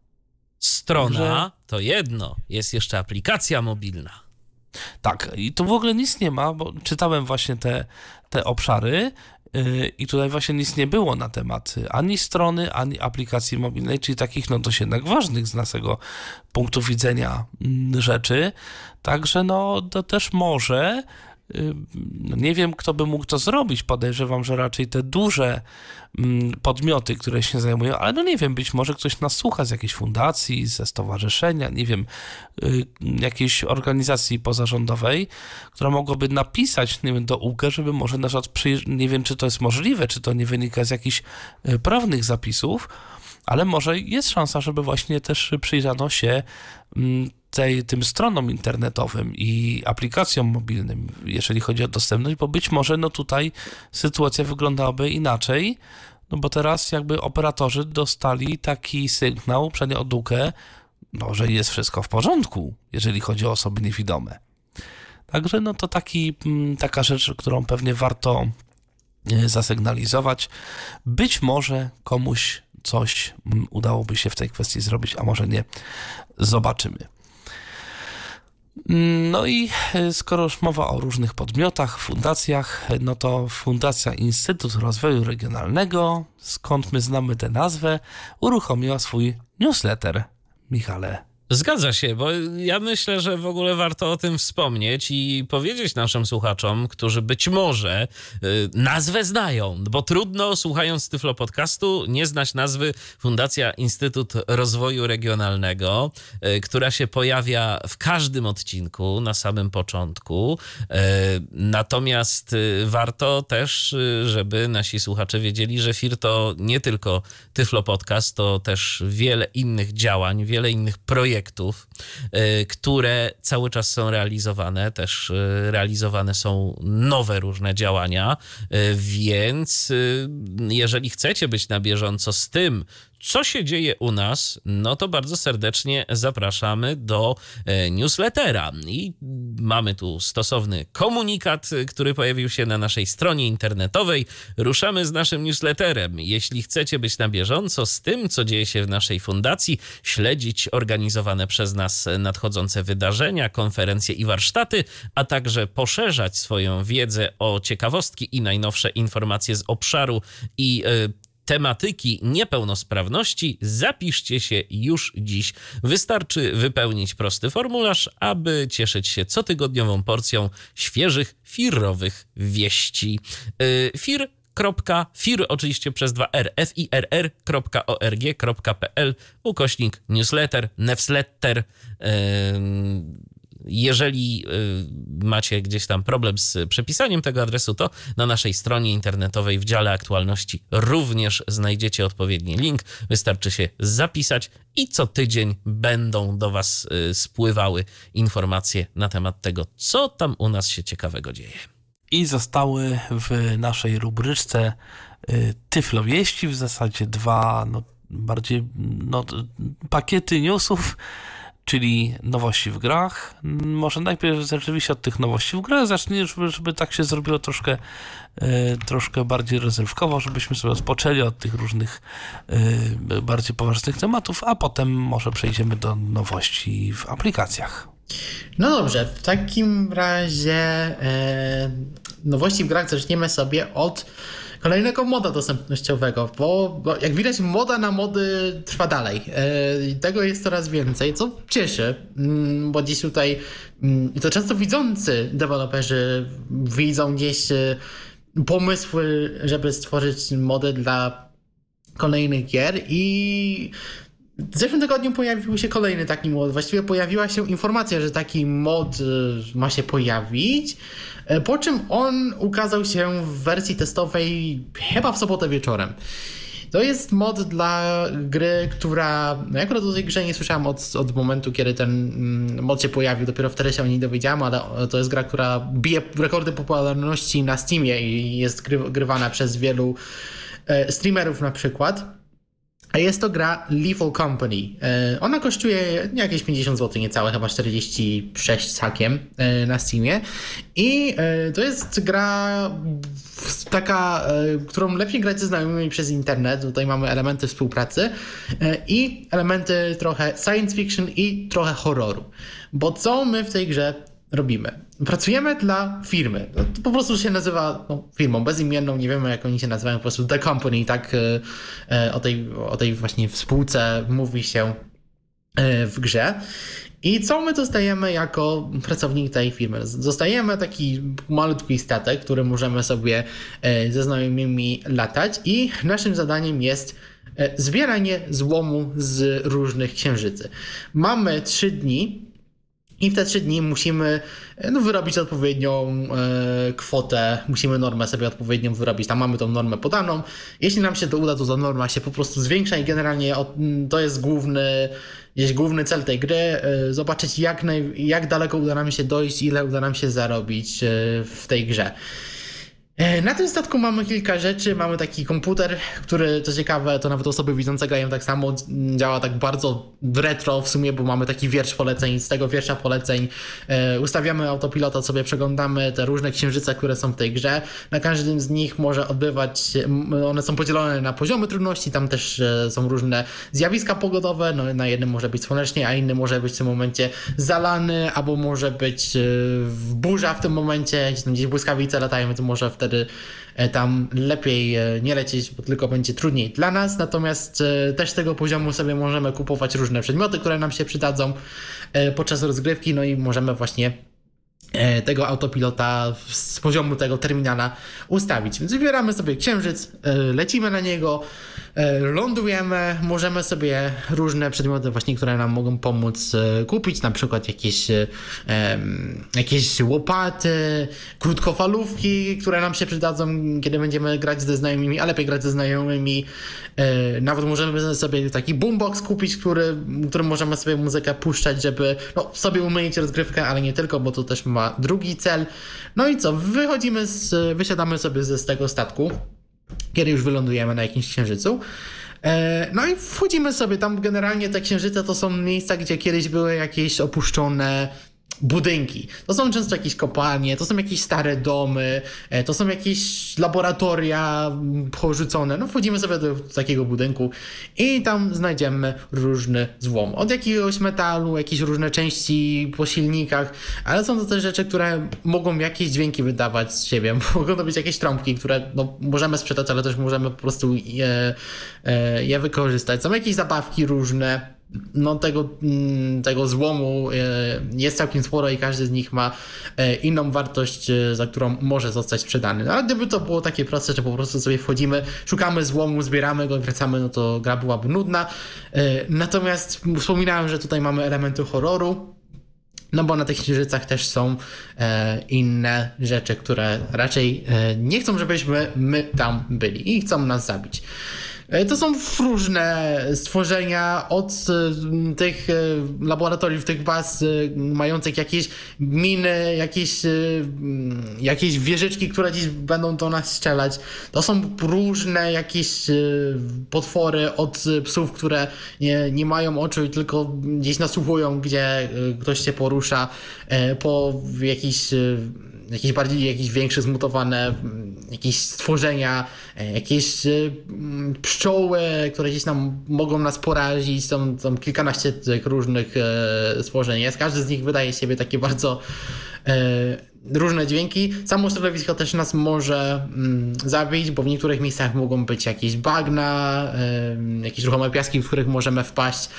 Y, kiedy mamy błyskawice, a niesiemy coś metalowego, to możemy nagle usłyszeć, y, że gdzieś ten prąd się gromadzi. Musimy szybko zrzucić to, co niesiemy, żeby po prostu nas nie poraziło. No, niebezpieczeństw jest różno, dlatego lepiej grać z znajomymi, bo zawsze jedna osoba może gdzieś zostać, ewentualnie no, podnieść te rzeczy, które my straciliśmy, je dowieść do bazy, bo jeśli no bo jeśli normy nie wyrobimy, no to firma po prostu nas zwolni, a zwolni nas poprzez po prostu wyrzucenie w kosmos, więc e, no, się nie patoczą, niestety.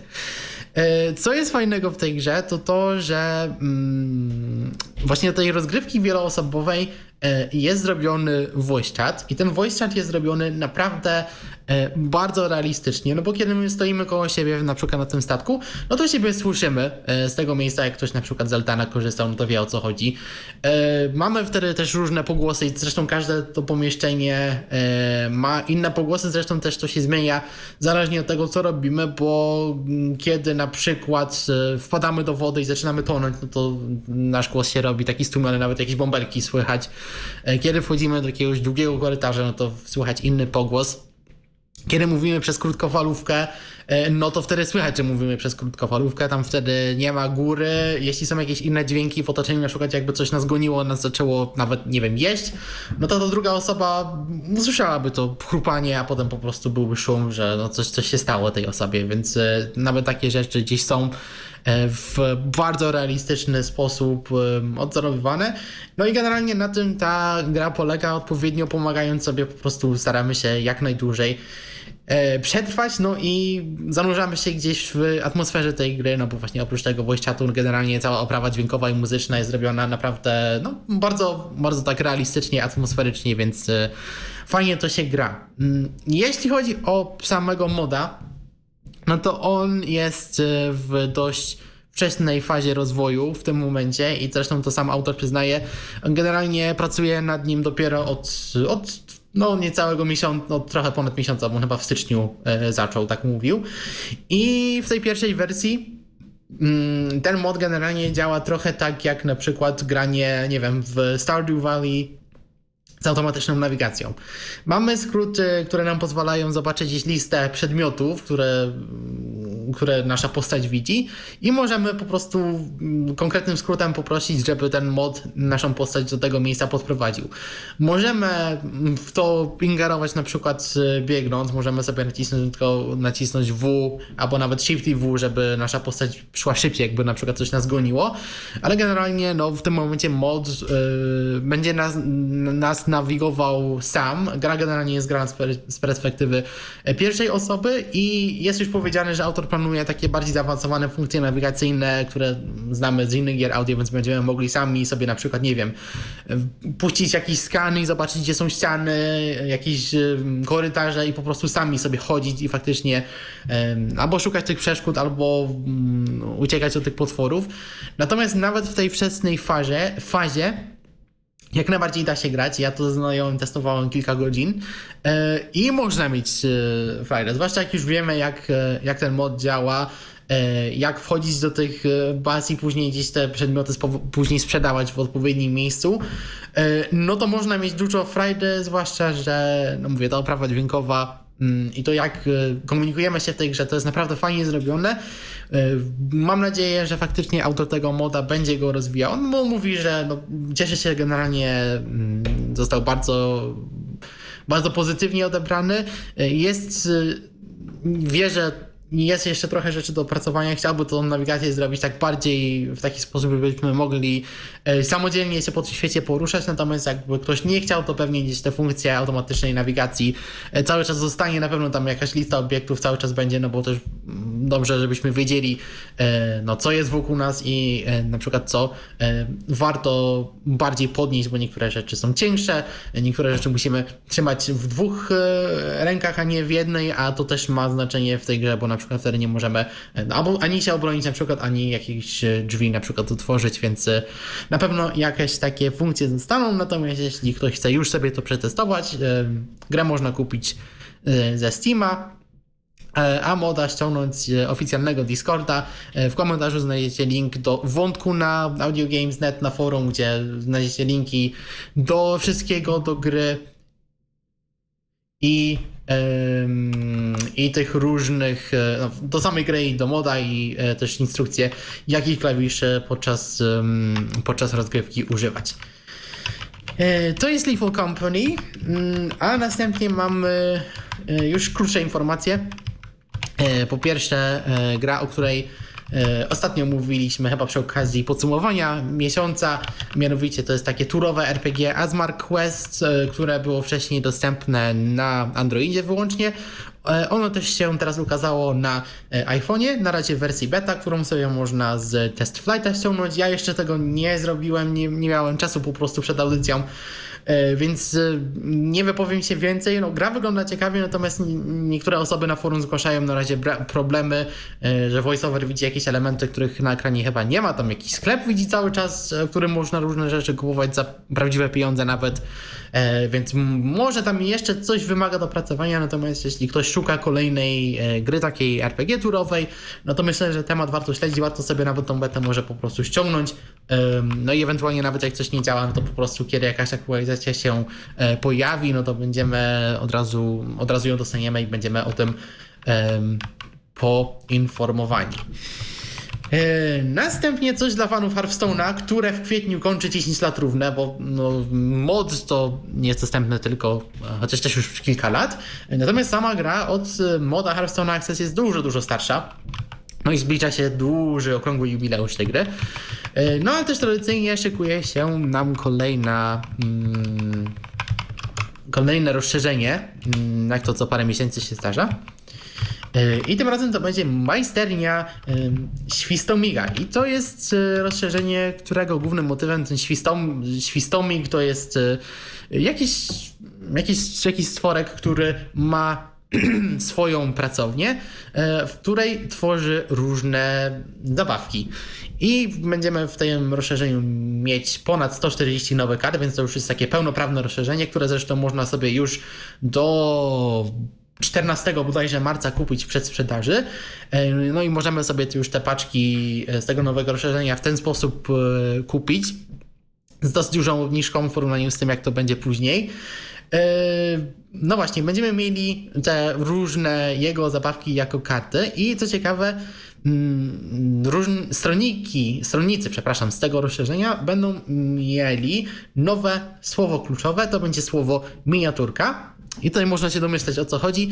Kiedy zagramy stronnika z, z takim, takim słowem klucz, no to do naszej e, ręki dostaniemy jego miniaturową kopię, która będzie miała tylko tam jeden punkt ataku, jeden punkt życia ale też będzie kosztował e, jeden kryształ many, żeby nim zagrać, więc będziemy mogli sobie w ten sposób mm, na przykład dany efekt takiego stronnika w bardzo łatwy sposób powtórzyć. Albo od razu, żeby jeszcze jakoś mocniej zaatakować, albo zachować na czarną godzinę i wykorzystać później. Także to jest jedno. Druga rzecz, to oczywiście szykujemy się do właśnie rozpoczęcia się kolejnego e, roku, bo tak w kwietniu zawsze co roku kończy się taki duży cały sezon Hearthstone'a, rozpoczyna się nowy rok, tym razem to będzie e, rok Pegaza, co za tym idzie, będzie rotacja zestawu bazowego tak zwanego kart, czyli te kart, które generalnie są dostępne dla wszystkich w grze oraz kart, które dostaną nowi użytkownicy, którzy będą się do e, gry logować. Niektóre z tych kart to będą e, jacyś starsi stronnicy, którzy będą zaktualizowani e, do bieżących standardów, no też tutaj no, głównym motywem tego jest świętowanie przeszłości Hearthstone'a, więc producent postanowił cofnąć się do kart, które były gdzieś wcześniej lubiane i je po prostu zaktualizować do bieżących czasów. Może też parę nowych stronników z tych najnowszych rozszerzeń pewnie się też pojawi. I dla niektórych też będzie kolejne nowe słowo klucz dodane, nieuchwytny. Tacy stronnicy nie będą mogli być zaatakowani na przykład mocami bohaterów lub zaklęciami. Znajdziecie szczegółowy link, w którym znajdziecie więcej informacji, jakie będą tam e, rzeczy się odbywały. E, żeby uczcić dziesięciolecie Hearthstone'a będą też różne kosmetyczne przedmioty rozdawane, będzie mm, seria misji, które będzie można sobie e, wykonać, no i też stopniowo będzie więcej informacji ujawniane co do kart, które będą dostępne zarówno w tym nowym rozszerzeniu, jak i e, po tej rotacji na rok Pegaza, która mm, stanie się w kwietniu. To nie jedyna gra, która się aktualizuje, bo też się zaktualizowała gra Forza Motorsport. Tutaj e, ta aktualizacja jest taka no, dość standardowa, o tyle, że po prostu mamy cały czas nową zawartość dodawaną. E, tym razem mamy skupienie na e, na Niemcy można powiedzieć, bo mamy nowy tor, a właściwie kolejny układ toru, który wcześniej był, bo to jest tor Nordschleife, czy to jest część toru na, w Nerburgu, który to ten Nordschleife to jest najdłuższa trasa chyba w Resfordzie, bo ona ma 20 km. No i przejechanie tej całej trasy nawet takim szyb, taką szybką wyścigówką trochę nam zajmie, bo takie jedno okrążenie to pewnie około 10 min, minut, tak około 9-10 e, i od razu mogę powiedzieć, że to nie jest bardzo łatwy tor, e, no, jak cały Nürburgring zresztą. E, mamy tam dużo, dużo zakrętów takich dosyć ostrych, więc no pewnie za pierwszym razem będziemy dość często z tego toru zjeżdżać, to na pewno nie jest łatwy tor dla początkujących, a no, dla tych, którzy chcieliby się sprawdzić, no to polecam sobie to, tego, ten Nordschleife przejechać, chociaż raz. No i będą nowe misje tradycyjnie, za które będziemy dostawać nowe samochody, akurat tym razem do wygrania. Yy, Będą dwa samochody mm, Porsche, no i tutaj wracając do tematu Niemiec, y, te mm, nowe misje w trybie kariery, te nowe wyścigi będą też się właśnie skupiać na um, historii niemieckiej motoryzacji, bo będziemy mieli um, osobne misje dedykowane dla um, Audi, dla BMW, dla Mercedesa i i dla Porsche albo dla Volkswagena też już nie pamiętam, więc będą takie cztery e, misje dostępne. Poza tym mamy też e, poprawki e, drobne w dostępności, e, które głównie m, mm, dotyczą e, ustawienia różnych rzeczy. E, między innymi dźwięk, który informuje nas, że komputer przejął sterowanie nad samochodem, na przykład jeśli wjeżdżamy do pit stopu, Zmiana wysokości tego nie działała. Kiedy zmienialiśmy sobie wysokość dźwięku informującego nas, że powinniśmy zahamować w ustawieniach, e, to też jego wysokość nie była odzwierciedlana prawidłowo. Ona w grze była odzwierciedlana, ale jak sobie ją ustawialiśmy w opcjach, no to ten podgląd nie działał tak jak powinien. No i też kilka właśnie innych takich drobnych poprawek jest, między innymi w tym, e, jak na ekranie szybkiego ulepszenia samochodu narrator nam nie zawsze czytał prawidłowo stan przycisku potwierdź e, i nie czytał nam informacji o niektórych wydarzeniach w trybie rywali od razu, i co też już zostało poprawione. E, także no tutaj kilka poprawek błędu jest, też e, kilka poprawek dotyczących rozmiaru tekstu w niektórych miejscach, więc dla osób słabowidzących też mm, jakieś poprawki się znajdą. E, ale to jeszcze nie koniec, tylko mi uciekło. Ale spokojnie, zaraz sobie wrócę do tego, gdzie skończyliśmy. E, a na koniec też taka fajna informacja. E, gra Brock the Investigator, którą e, dosyć długo chwaliliśmy, na przykład naszej audycji podsumowującej gry, pojawiła się też na urządzeniach mobilnych. Będzie link zarówno na iPhone'ie, jak i na Androidzie. Gra jest generalnie do pobrania darmowa, więc tutaj podobnie jak z tą wersją na komputery czy konsole, w darmowej wersji dostajemy demo. E, jeśli to demo nam się spodoba, no to możemy sobie e, pozostałe rozdziały wykupić. Co ciekawe, te rozdziały też są trochę tańsze niż w wersji na komputery czy konsole, bo za wykupienie wszystkich rozdziałów musimy zapłacić około chyba 40 zł, bo tam wychodzi 8 dolarów chyba na App Store, więc e, to może być tańsze rozwiązanie. Natomiast jeśli chodzi o dostępność, to e, możemy grać na ekranie dotykowym. E, po uruchomieniu gry musimy sobie voiceovera wyłączyć, bo tutaj niestety nie da się e, włączyć tego trybu interakcji bezpośredniej. Kiedy voiceovera wyłączymy, trzymamy dwa palce na ekranie i wtedy ta dostępność nam się powinna włączyć i wszystko wtedy dla nas dostępne jest. Są gesty dodatkowe, dodane, które pozwalają nam po obiektach się przemieszczać, natomiast w Dostępność dla wersji mobilnych, przez to, że nie mamy tej opcji kopiowania do schowka, jest wyłącznie w języku angielskim, więc jeśli nam to nie przeszkadza, to jak najbardziej możemy sobie na smartfonie pograć y, zarówno na ekranie dotykowym, jak i na padzie, bo możemy sobie też po prostu pada do telefonu podłączyć i ta gra z tym też będzie działała. Więc jeśli no mówię, nie zależy nam na języku polskim, to możemy grać w ten sposób, ale jeśli chcielibyśmy sobie pograć po polsku, no to lepiej e, zostać przy wersji na komputerze. Natomiast jeśli ktoś by chciał sobie na smartfona, na przykład, nie wiem, planujecie jakąś dłuższą trasę e, i zastanawiacie się, co by sobie w drodze pograć, albo no, po prostu szukacie kolejnych gier na, na swój telefon, no to myślę, że jak najbardziej brokiem e, warto się zainteresować. No i to wszystko na ten tydzień, jeśli chodzi o grę. Ale coś czuję, że to nie wszystko, jeżeli chodzi o temat gier, bo widzę, że e, do nas już się podłącza Patryk, a jak Patryk do nas dzwoni, e, to całkiem możliwe, że będą, że będą to jakieś tematy związane z grami, a może nie. Zaraz się okaże, jak się Patryk do nas odezwie. No właśnie. Wiem, że Patryk chyba też ten Lethal Company testował, więc może też się podzieli o, dzień dobry. Cześć. Dobry wieczór. Jesteś. Jestem, jestem. Mm, no to chciałem zacząć od. E, a, was zaskoczę od tematu, który tutaj już był poruszany na początku, czyli od e, Zuma H1. Tomku, ja bardzo chętnie bym, bym rad bym usłyszeć, jak ten Zoom H1 w ogóle brzmi, jak to wszystko słychać, ponieważ jestem równie zainteresowany zakupieniem tego re rejestratora, ponieważ no niestety ja się zatrzymałem na e, Zoomie H2N z którego byłem bardzo zadowolony, ale niestety podczas moich studiów tenże Zoom uległ ciężkiemu wypadkowi, którego, z którego niestety nie dało się go podnieść. I tam nie miałem w ogóle problemów z nauczeniem się tego menu. Znaczy tam generalnie tam był taki dzyndzelek, którym się poruszało w tym Zoomie H2N, taki powiedzmy joystick. I wypadek polegał na tym, że ten joystick mi po prostu się gdzieś wpadł do środka i zablokował się, a drugi raz, za drugim razem mi ten zoom po prostu spadł i ojej, no i niestety wytrzymał ze mną 3 lata.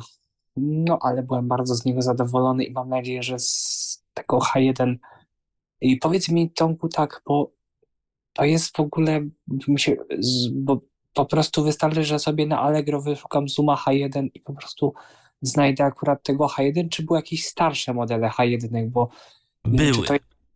No właśnie, jak znaleźć To znaczy tak, y, jeżeli chodzi o to, jak nagrywa, no teoretycznie są próbki nawet na Allegro. Y, ja nawet, znaczy przez myśl mi kiedyś przeszło, żeby je zaprezentować, tylko problem polega na, znaczy problem. No, kwestia jest taka, że no tutaj w mm, Tyflo Podcaście mamy procesowany dźwięk, czyli on jest y, przetwarzany, wyrównywany mm, głośnościowo i tak dalej, i tak dalej. I to, co mm, jest, y, to, co tam pokazujemy, to nie brzmi dokładnie tak, jak to jest rzeczywiście, tylko to jest mimo wszystko jakoś tam przetwarzane, więc to nie będzie tak słyszane jak y, rzeczywiście oryginalne nagranie z Zooma. Jeżeli będę miał to nagranie, no to na pewno będę gdzieś tam umieszczał w internecie jakieś, Ale jakieś, jakieś próbki. No nie, nie natomiast, to. Natomiast jeżeli chcesz tego konkretnie, to konkretne no urządzenie znaleźć, mhm. to to się nazywa Zoom H1 Essential. Zoom H1 Essential. No właśnie. Normalnie pisane Essential, przy czym mhm. często to spisane H1 Essential jako jeden wyraz. E, niektórzy też stosują skrót Zoom H1e. I teraz e, tak, były zoomy, jakby pierwsza ta generacja to był zoom H1, H2, H4, H6. Potem był zoom H1, H2, H4n. No ja miałem H2n, czyli ja miałem tak. tak... I teraz właśnie wyszła seria, seria jakby Essential, tudzież E. Zobaczymy, które nazewnictwo bardziej się przyjmie, bo oba mm. na razie walczą o lepsze.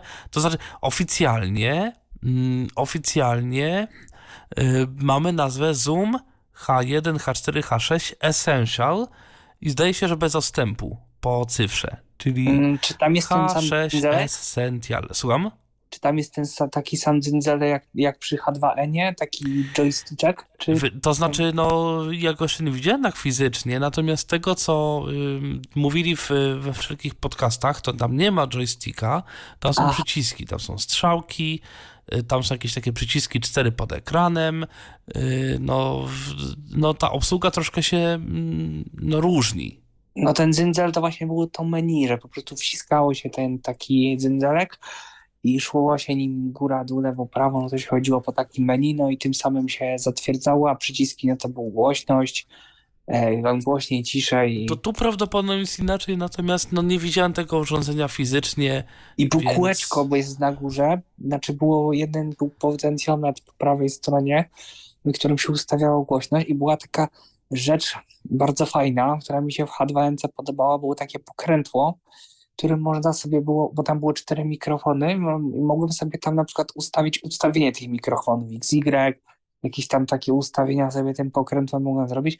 Ja na początku miałem z tym problem, ale szybko to pokrętło jakoś obcykałem i na przykład bardzo fajnie sobie mogłem to ustawiać. I ciekawe właśnie, jak tutaj to będzie zrobione. Są dostępne. No tutaj czterech mikrofonów nie ma, więc no, no nie wiem, siłą Aha. rzeczy nie ma czegoś takiego.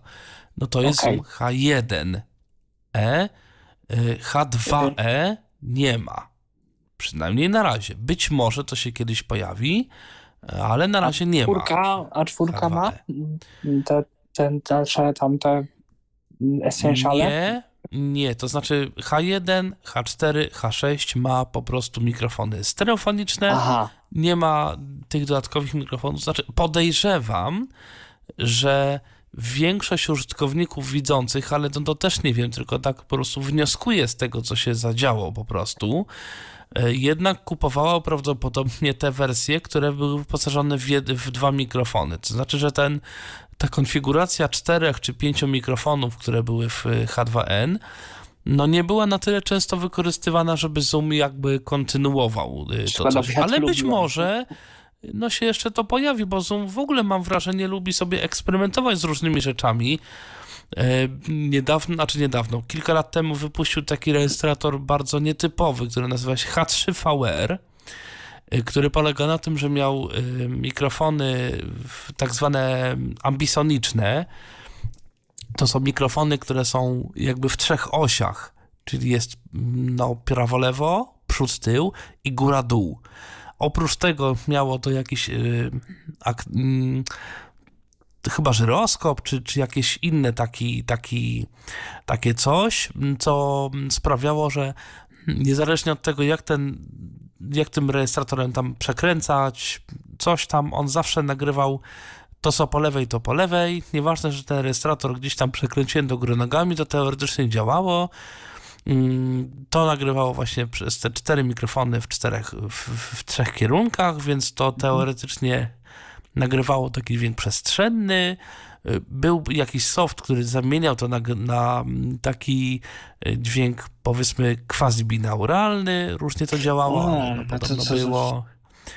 Y, No i no, było coś takiego, natomiast Zoom na razie nie stworzył niczego, jakby żadnego następcy tego modelu, więc no albo minęło za mało czasu, albo jednak okazało się, że pomysł nie bardzo trafiony i nikt tego nie kupuje, albo prawie nikt. Podejrzewam to drugie, bo nie ma jakoś, nie widziałem jakoś dużo nagrań. na Ja spróbuję napisać do Zooma Mm, jakoś. Ostatnio też rok temu wypuścili przecież taką serię M rejestratorów. To są, jak oni to określają, mikrofony z możliwością nagrywania, czyli jakby to wygląda jak mikrofon i ten mikrofon ma gniazdo na kartę SIM, ale ma A, też normalny. XLR i można to podłączyć gdzieś tam do czegoś. Także no... Ale jakoś Zoom- mnie to nie, nie kręci. E, tak, mówiąc. ale jakby chodzi mi o to, że jakby Zoom eksperymentuje z różnymi rzeczami, więc być może pojawi się za jakiś czas jakaś nowa seria rejestratorów, jakichś nietypowych. No, Mm. Mam tylko nadzieję, że mm, udźwiękowienie to będzie coś, co Zoom zostawi. Znaczy, że to nie będzie coś takiego, co pojawi się tylko w jednej serii, a potem to znowu zniknie. E, Więc no tutaj warto, no, im więcej podejrzewam użytkowników kupi taki rejestrator z udźwiękowieniem, mam nadzieję przynajmniej, że to też będzie większa szansa na to, że, e, że to udźwiękowienie Zoom zostawi w kolejnych, w kolejnych urządzeniach. Także no zobaczymy, jak to będzie wyglądało. Okej, e, no to teraz chciałem tutaj się właśnie podzielić tutaj z tymi informacjami, które było przed chwilą mówione, czyli o właśnie Little Company. Ja w ogóle e, zanim w ogóle czek- dowiedziałem się, że ten mod ma w ogóle być, to sobie obejrzałem różne filmiki na YouTubie i po prostu oj, no ludzie tam przy tym się potrafią nieźle bawić, natomiast ja chciałem powiedzieć, jesteś, Piotrze, jesteś jeszcze z nami, bo właśnie Tak, to ciebie oczywiście. Chciałem powiedzieć, jak ja miałem osobiście problemy z tym modem, mm, co mi sprawiało problem, bo ja próbowałem grać samemu, bo oczywiście można grać samemu. Yy, To już mówię, czym jest sytuacja, no bo owszem, jest ta autonawigacja, natomiast w przypadku tej autonawigacji, po pierwsze, ona działa tylko wtedy, jeżeli wylądujemy na jakimś księżycu. To znaczy tak, jeżeli jesteśmy na statku i na przykład wybierzemy sobie jakiś obiekt typu terminal, to kamera nam się obróci. I y, jeżeli naciśniemy W, no to postać nam pójdzie do, do tego. Y, to zadziała, bo akurat na statku jest na tyle mało, mm, tam ten statek jest dość mały, że to spokojnie działa. Natomiast jak wylądujemy na planecie, y, no to żeby na przykład wejść do jakiegoś budynku, no to musimy na przykład sobie znaleźć pod plusem i minusem facility i nacisnąć P.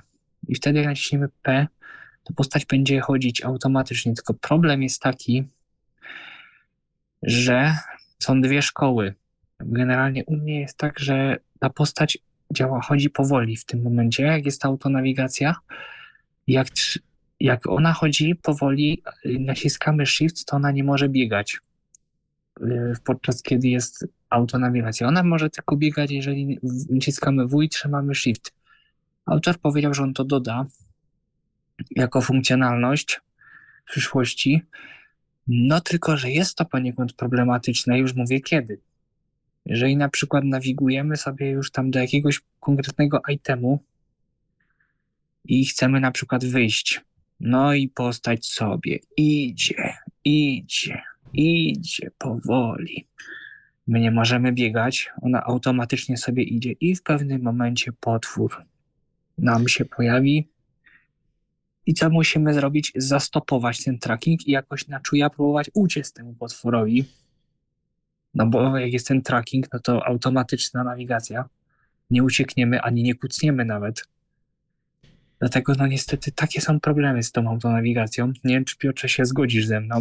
E, tak, no generalnie no, tak naprawdę ten mod, no to w tym momencie no, mamy powiedzmy screen reader do menu gry. E, no i mamy tą autonawigację, mamy skrót, żeby sprawdzić e, nasze życie i, nasze, nasze saldo. I to jest tak naprawdę tyle. No zresztą autor też jest tego świadomy, że no chce dodać jakieś jeszcze sygnały dźwiękowe, coś, żebyśmy no, mogli jakoś lepiej się Mm. rozglądać. Natomiast właśnie, masz jakiś jeśli- sposób na to? Na przykład, nie wiem, E, Mm. Co ja mogę podpowiedzieć? No u mnie faktycznie on sam siebie chodzi wolno, natomiast jeśli będziesz trzymał W, no to będzie chodził trochę szybciej. Jak trzymasz Shift, będzie chodził jeszcze szybciej. Mm, Natomiast y, jest jeszcze jedna tutaj kwestia i to jest coś, z czym też się osoby widzące, żeby nie było borykały. Dlatego na tym polega em, trudność tej gry.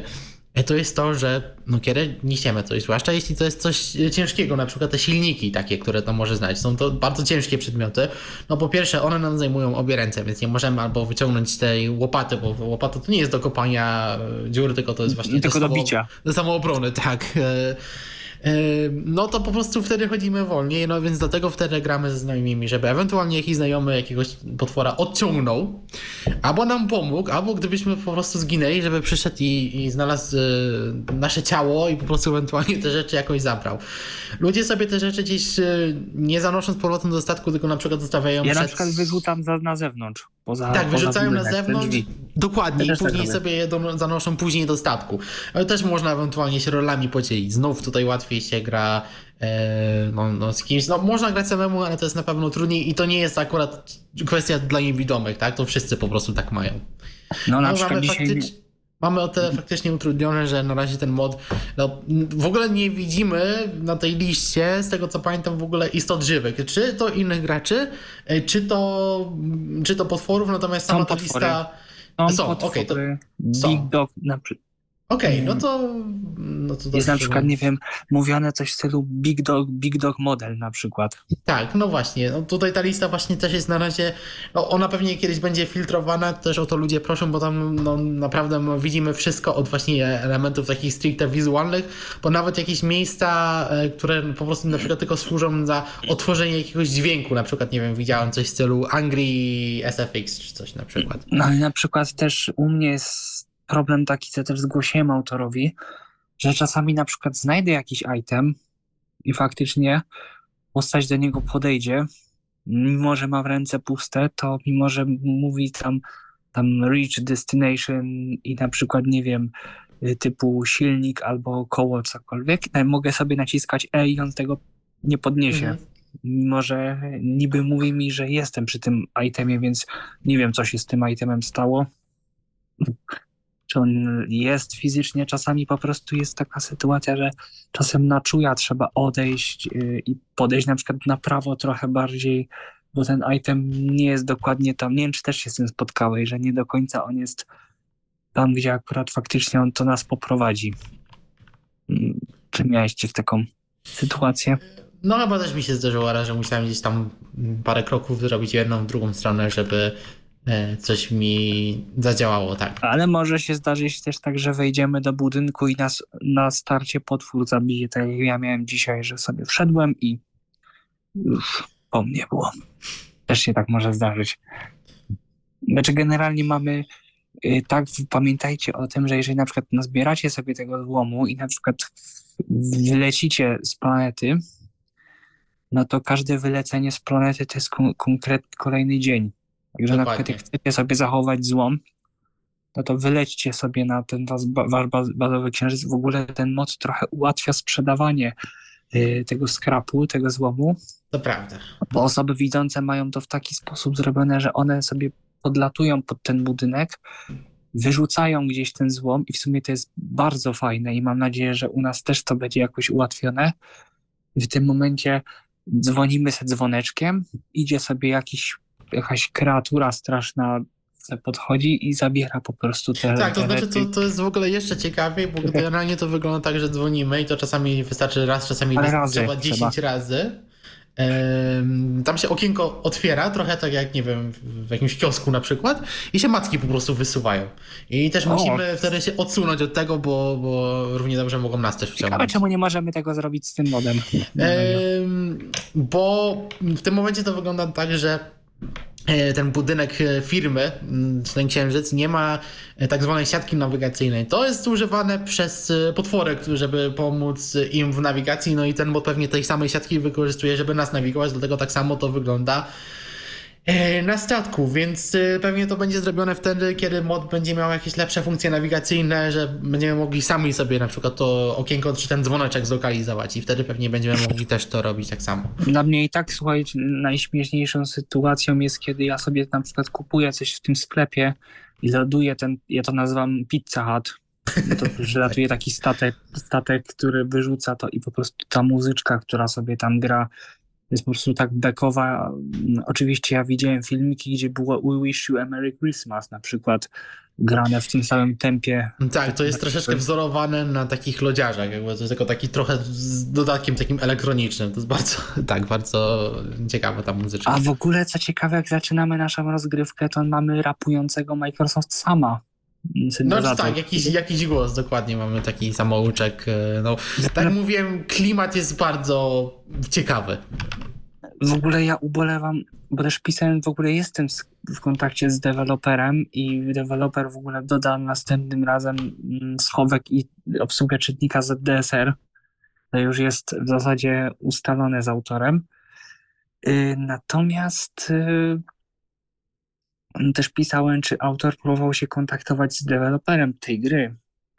No i generalnie powiedział, że bardzo jest utrudniony dostęp, ale ten deweloper podobno coś tam powiedział, że może doda tego moda w finalnej y, wersji gry, jakby tam on, on to zaimplementuje. Natomiast kurczę, ta gra jest tak dźwiękowo fajnie zrobiona, że naprawdę sam autor mógłby sporo dodać od siebie takich chociażby, nie wiem, dźwięków, które by na przykład coś, coś robiły. No nie musi to dać do, dostępności, ale właśnie fajnie by było, gdyby jednak, bo to jest wczesny dostęp, gdyby tak. jeszcze coś, coś tam fajnego się stało. No, to jeszcze powiem Piotrze o czymś, o czym nie powiedziałeś. O grze, która też wyszła nie tak dawno, Galaxy Strike. Yy, to jest na Audio Gamesach. Yy, I to jest gra zrobiona przez jakiegoś dewelopera widzącego chyba.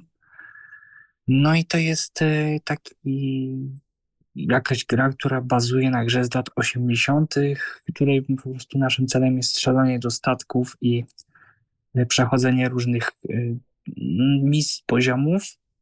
No i w grze jest fajne to, że można wszystko sobie głośno, wszystkiego głośności sobie regulować. No i kilka update'ów się pojawiło, gra jest darmowa na itch, portalu itch.io.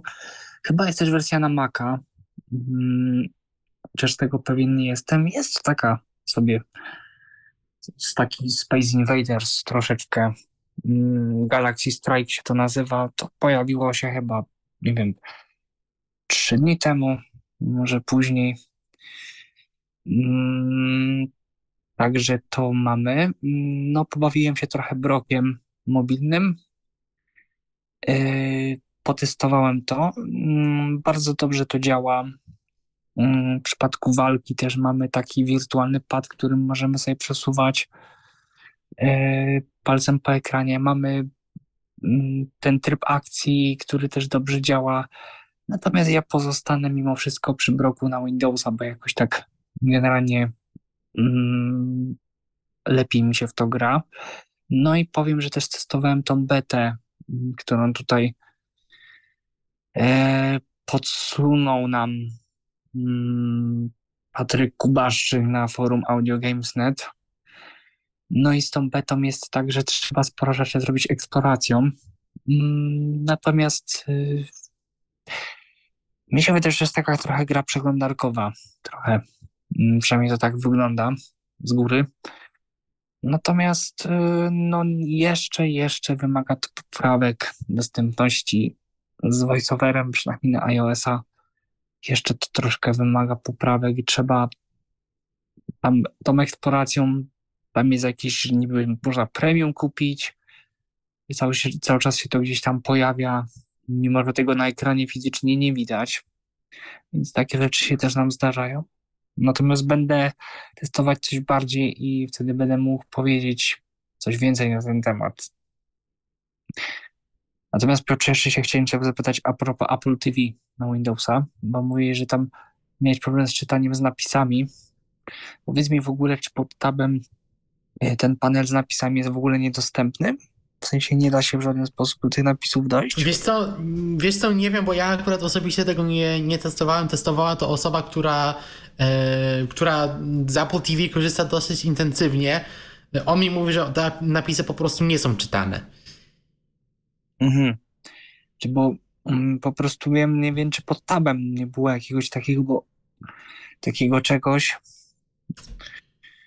Jakby na przykład ZDSR-a ta osoba miała, Mm, można by było no spróbować myszką, użytkownik NVDA, ale no właśnie. można by było spróbować myszką po prostu najechać na mm, to miejsce, gdzie się te napisy pokazują i włączyć monitor.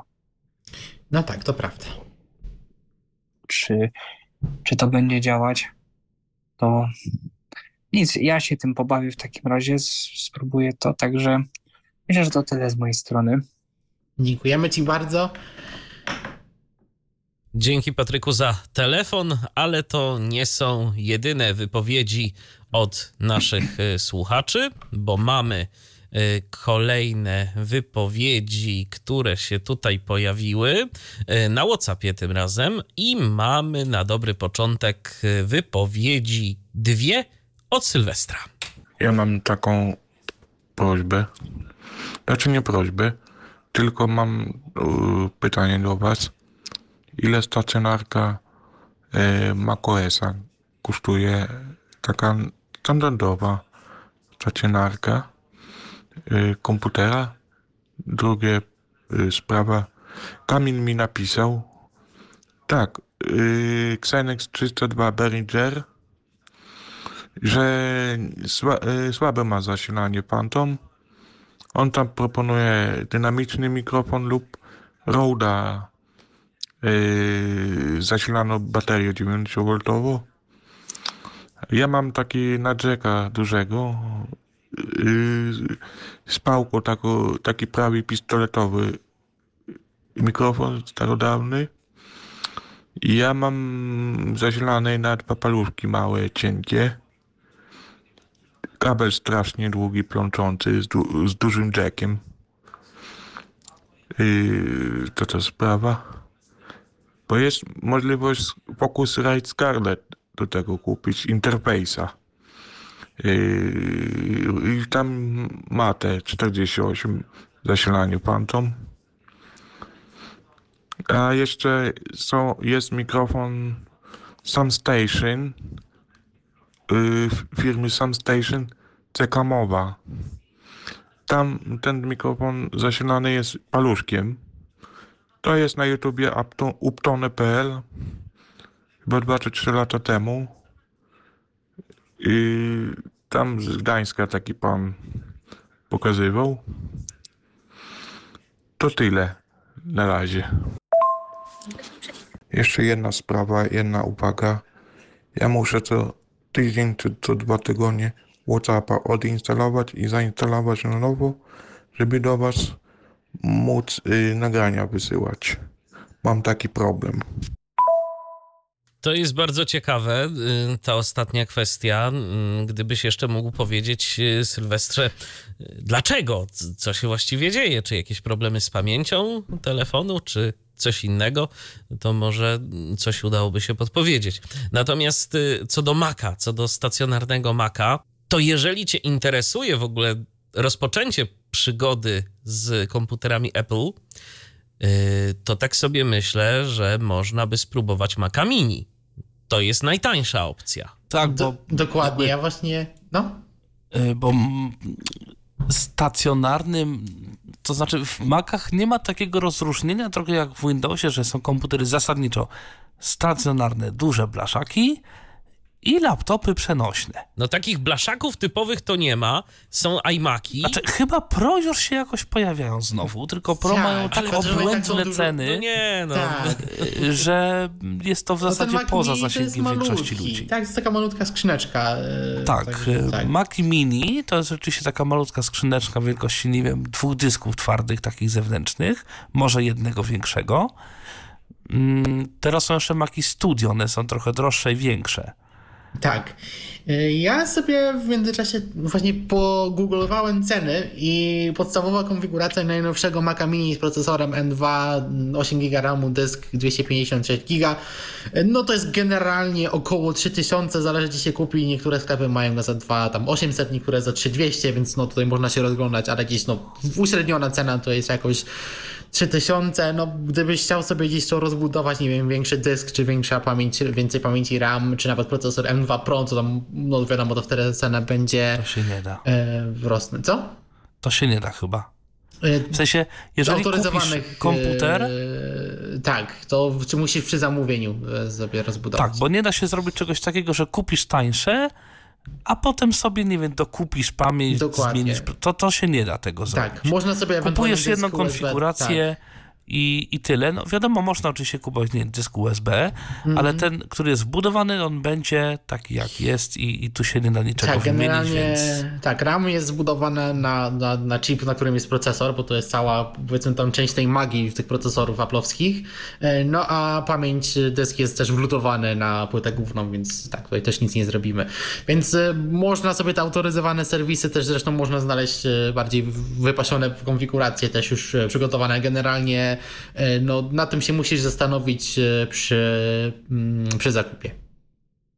I trzeba pamiętać o tym, że taki Mac Mini y, to nie ma ze sobą absolutnie niczego. Monitora, klawiatury, nic. Tam po prostu Dokładnie. podłączamy to do prądu i musimy pozostałe te urządzenia peryferyjne sobie e, no, podpiąć y, z innych mm, komputerów, które mamy na przykład.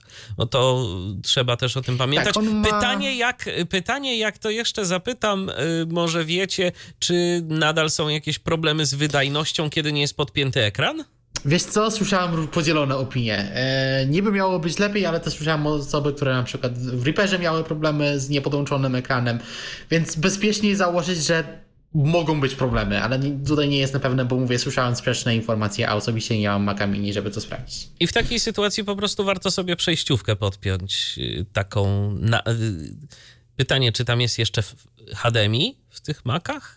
Y, E, jest, coś jest tam chyba tylko no. HDMI zresztą chyba, no i USB-C też na wideo, Mhm. no nie, ale tak. No i takie HDMI na VGA po prostu, taką przejściówkę wtedy sobie skombinować i, i powinno to działać y, bez problemu. Tak. To co, przechodzimy do mm, Wiesz już co, ostatni- jeszcze mamy, Aha. jeszcze mamy Okej. jedną wiadomość.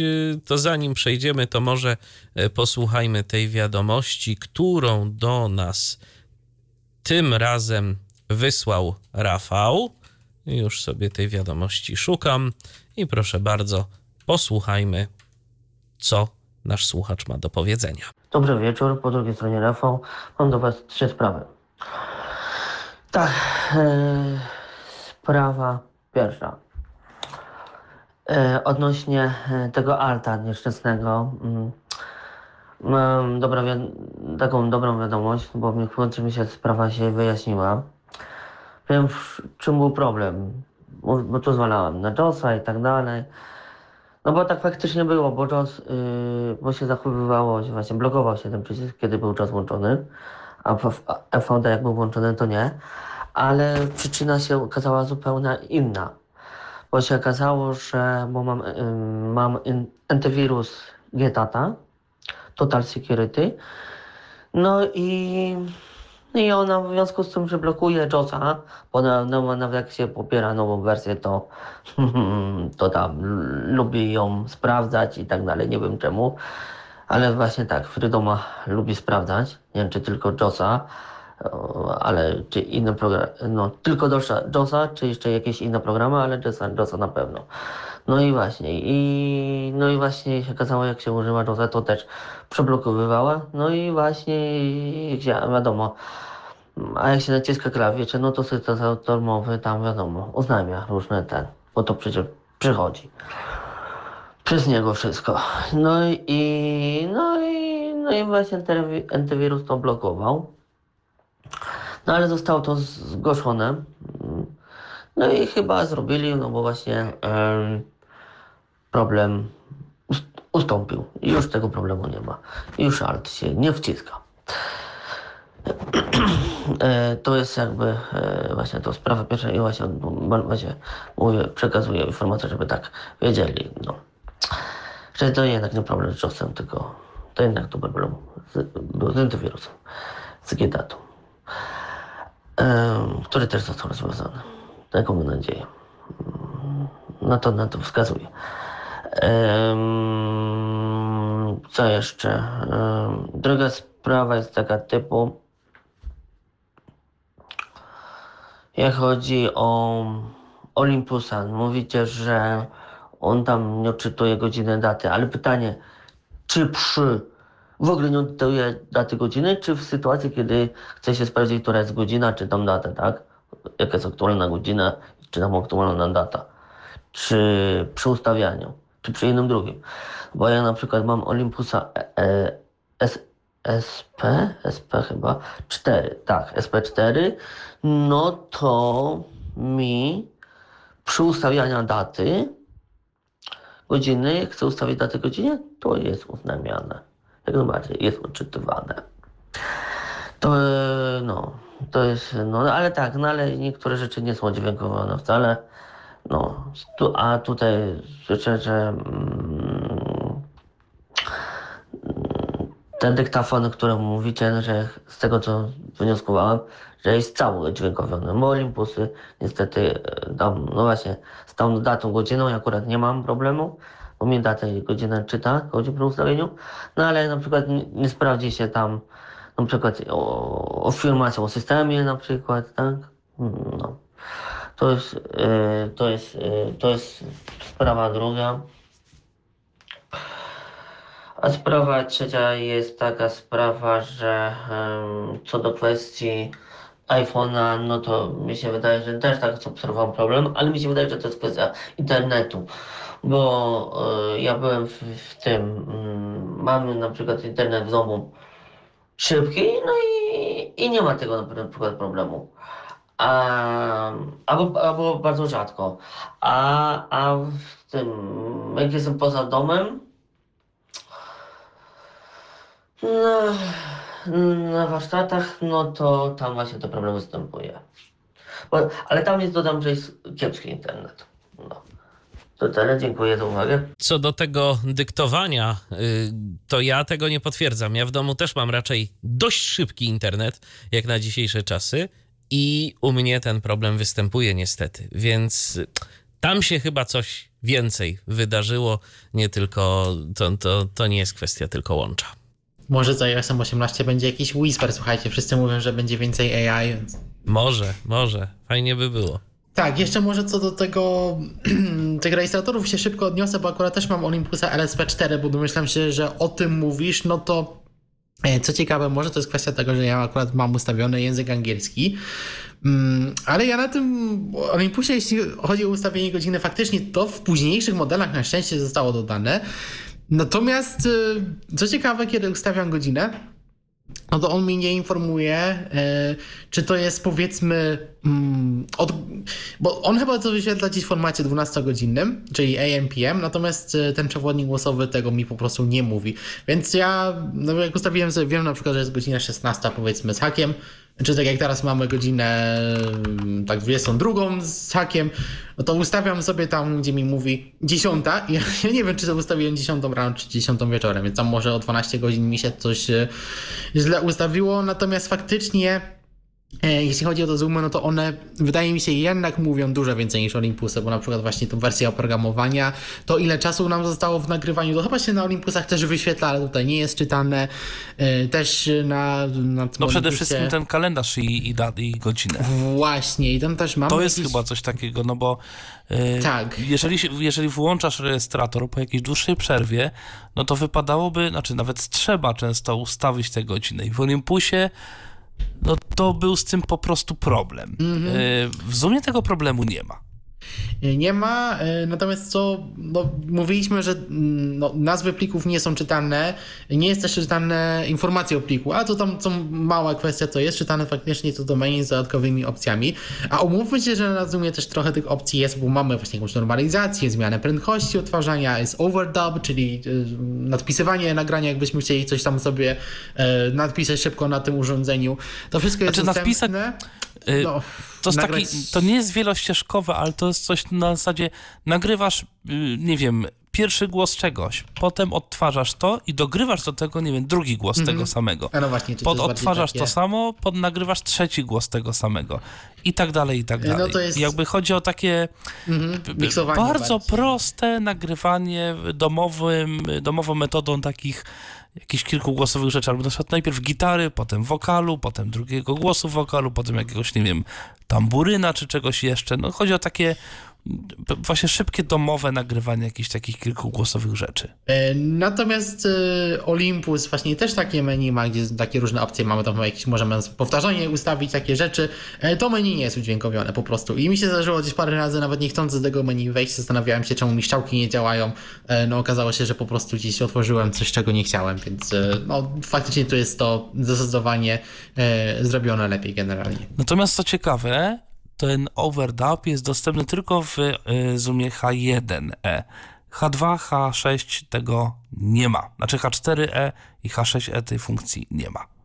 Rafał przed momentem nagrywał nam się na WhatsAppie, a teraz do nas zadzwonił. Dobry wieczór, Rafale. No, dobry wieczór. No właśnie odnośnie tego, tych dyktofonów yy, dzwonię, bo tak chciałem właśnie dodać odnośnie właśnie tego Olympusa, że także posiada właśnie LSP4, tak dokładnie. Mm, I chodzi o to znajomanie, mam ustawiony tryb 24 godziny, nie 12. A, to możesz tam gdzieś to ustawić. Faktycznie to pewnie by się wtedy tą godzinę dało lepiej ustawić, natomiast tak, właśnie... można no... przestawić, tak. Okej. Okay.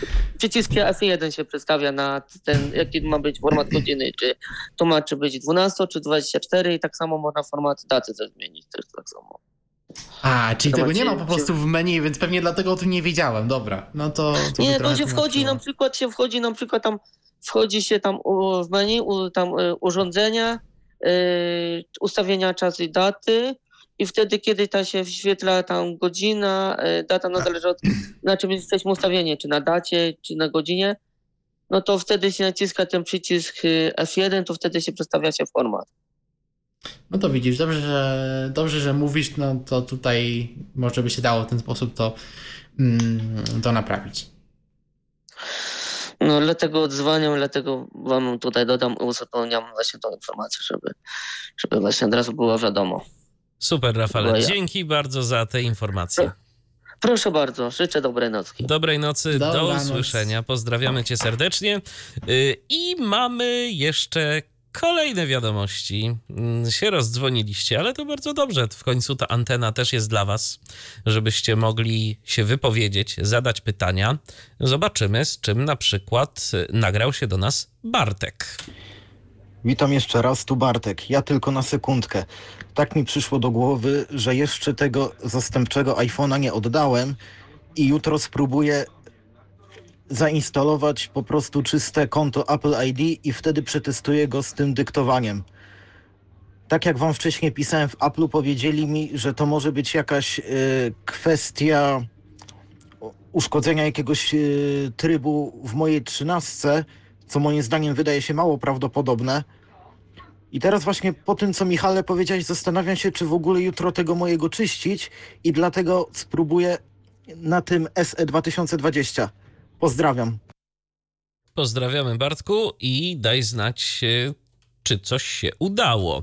I jeszcze mamy jedną wiadomość głosową, jak na razie ostatnią, ale Ona ma 4 minuty, więc nie wiadomo, co to tam się jeszcze w międzyczasie wydarzy. A tę wiadomość nagrał Grzegorz. No, cześć Wam.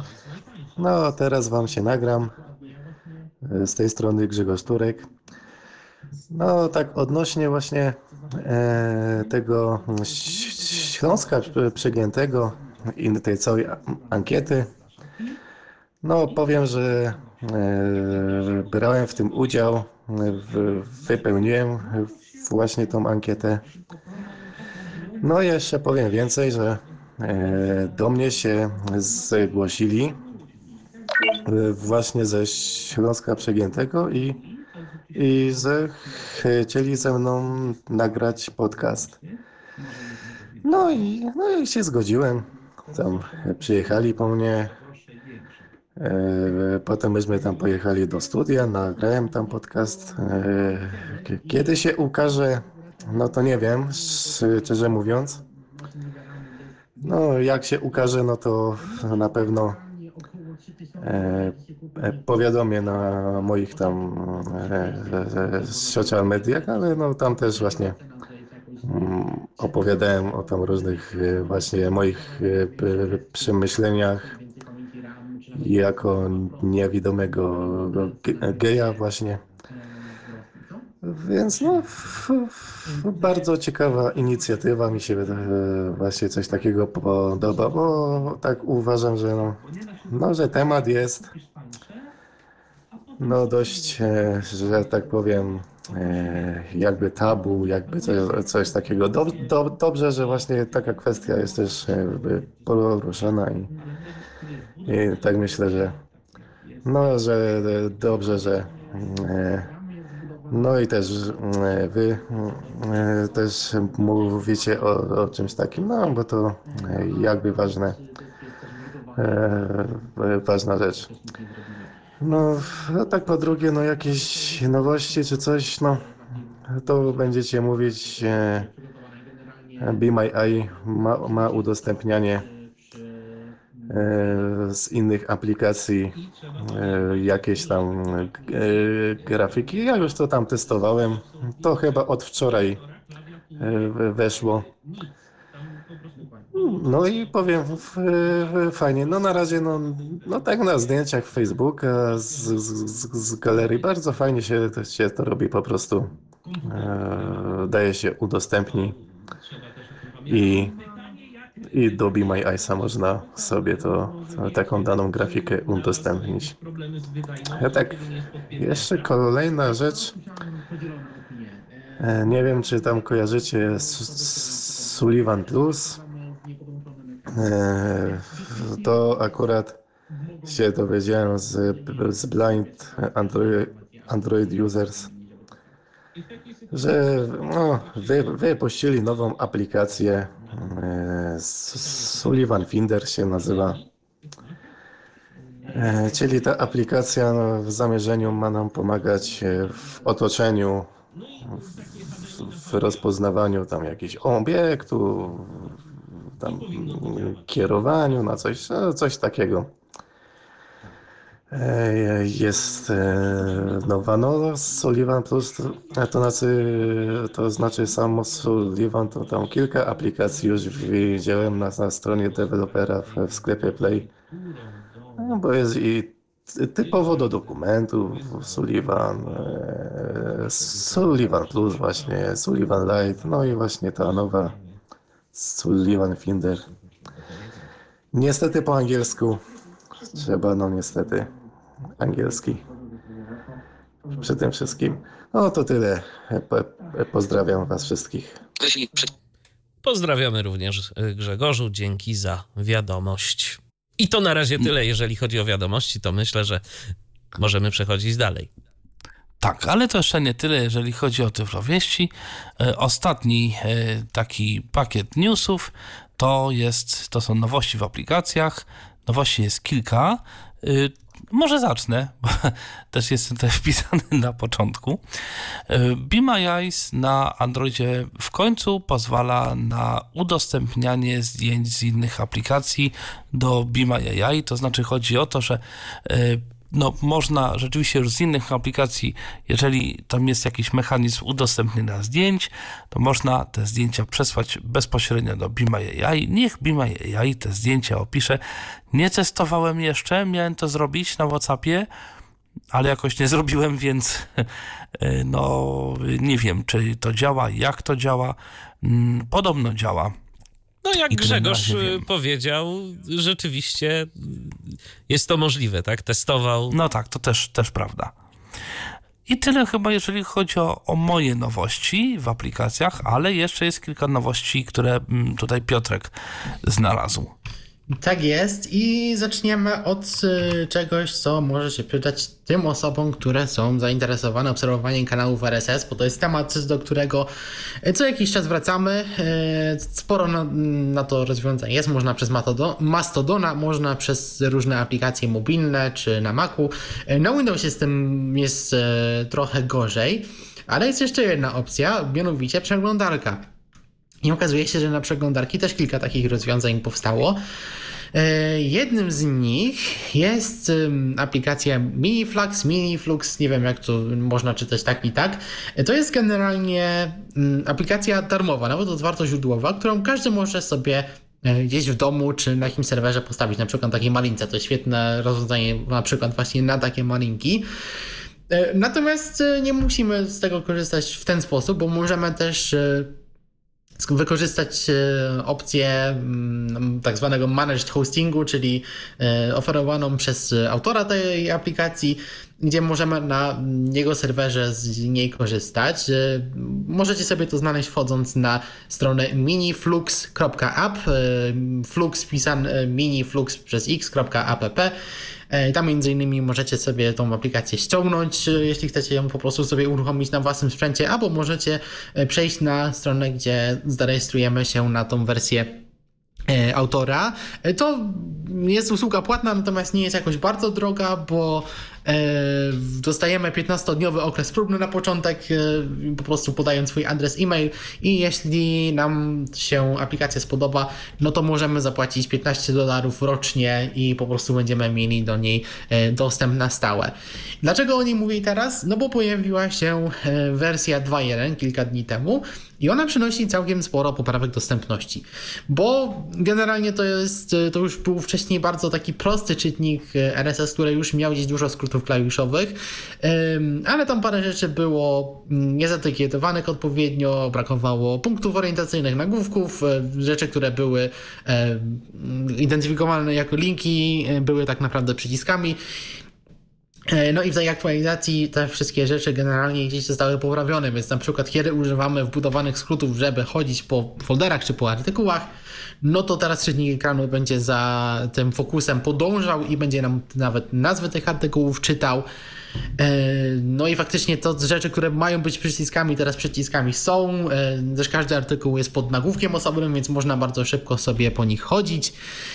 Jeśli chodzi o samą usługę, no to ona potrafi, samą stronę slash aplikację, zwał jak zwał, no to ona potrafi całkiem sporo, bo oczywiście możemy sobie mm, artykuły, możemy sobie te y, kanały importować z plików OPML, więc jeśli mamy gdzieś już jakieś aplikacje, nie wiem, na iPhone czy z jakiejś innej usługi przygotowane, y, przygotowaną listę kanałów, no to możemy sobie je tak dodać, a nawet jeśli nie, to może sobie y, gdzieś te kanały szczytywać ze stron, po prostu możemy sobie ręcznie je dodawać. Możemy poprosić, żeby nam otwierała je od razu w, z wydobytym tekstem artykułów.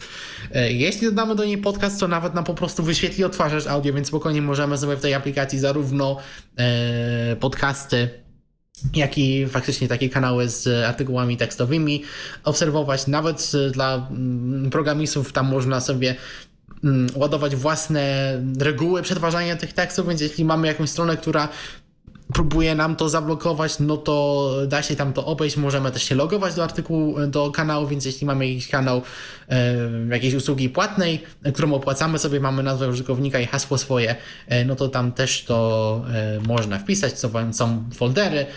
Można artykuły oznaczać gwiazdkami, więc sobie zapisywać jakieś ulubione artykuły. I co ciekawe, też ta usługa ma API. Więc może z niektórymi aplikacjami się integrować. Coś, co ucieszy wielu, myślę, użytkowników. Wiem, że jest parę też aplikacji na Androida do Mini Flaxa, e, ale też na przykład można e, zalogować się do tej usługi e, przez aplikację Lear na iPhone'ie. Więc jeśli ktoś lubi i tą aplikację, a chciałby sobie znaleźć jakiś sposób, żeby te artykuły synchronizować właśnie pomiędzy swoim iPhone'em, a na przykład jakimś komputerem z Windowsem, albo może jakimś innym urządzeniem, e, no to może być całkiem sensowne rozwiązanie. E, mi osobiście paru rzeczy tutaj brakuje. E, jeśli chodzi o te skróty klawiszowe, to mm, one mają generalnie takie dwa problemy. Po pierwsze, e, ta lista, jeśli używamy skrótów, jeśli chodzimy sobie po nagłówkach, to nie ma problemu, wiadomo, wiemy kiedy dojdziemy do początku, a kiedy do końca strony. Natomiast kiedy postanowimy zamiast tego chodzić skrótami, na przykład później sobie szybko e, no, strzałką tam chyba w prawo albo literkami J, tak już tradycyjnie, jak to w aplikacjach webowych często jest, chodzić po artykułach i później e, na przykład literką O sobie otwieramy jakiś artykuł, S oznaczamy gwiazdką, tam jeszcze parę innych skrótów jest. No ta lista, te skróty nawigacyjne się zawijają. Więc jeśli jesteśmy na pierwszym artykule e, i nie wiemy o tym, bo nie mamy tutaj informacji o pozycjach, no to kolejne naciśnięcie e, na przykład skrótu poprzedni artykuł zawinie nas do e, końca czy do początku listy. No szkoda, że tego się jakoś nie da wyłączyć. A drugą rzeczą jest coś, co no akurat na przykład, nie wiem, jeśli ktoś z Thunderbirda korzysta, no to nie odczuje różnicy, ale na przykład jeśli ktoś lubi Lira czy jakąś inną aplikację na iPhone'ie czy nawet na Macu, no to tego brakować już może. E, strona to bardzo mało nam informacji tak naprawdę wyświetla, zanim już e, artykuł otworzymy, bo tak naprawdę widzimy tylko tytuł, widzimy źródło publikacji, e, Widzimy, kiedy, mm, kiedy dany artykuł został opublikowany, i to tak naprawdę tyle. Nie mamy tego tekstu tego artykułu, co często się przydaje. No, z samego tekstu można bardzo często E, dużo informacji wyczytać, nawet wszystko albo prawie wszystko. No tutaj po prostu widzimy tytuł, nic więcej, e, więc jeśli chcemy jakiś artykuł przeczytać jakkolwiek, nawet w takiej najbardziej podstawowej wersji, no to po prostu musimy go sobie otworzyć, e, niestety. Natomiast myślę, że ta strona może znaleźć swoich odbiorców, a kto wie, czy autor też nie, nie doda dodatkowych funkcji, może żeby... Aha, no właśnie, jeszcze jeśli chodzimy skrótami, a nie na przykład po nagłówkach, no to słyszymy tylko tytuły artykułów. E, nic więcej. Nawet nie słyszymy wtedy, z jakiego kanału dany artykuł pochodzi, kiedy został opublikowany. E, no może autor to zmieni, na pewno do niego napisze, zobaczymy.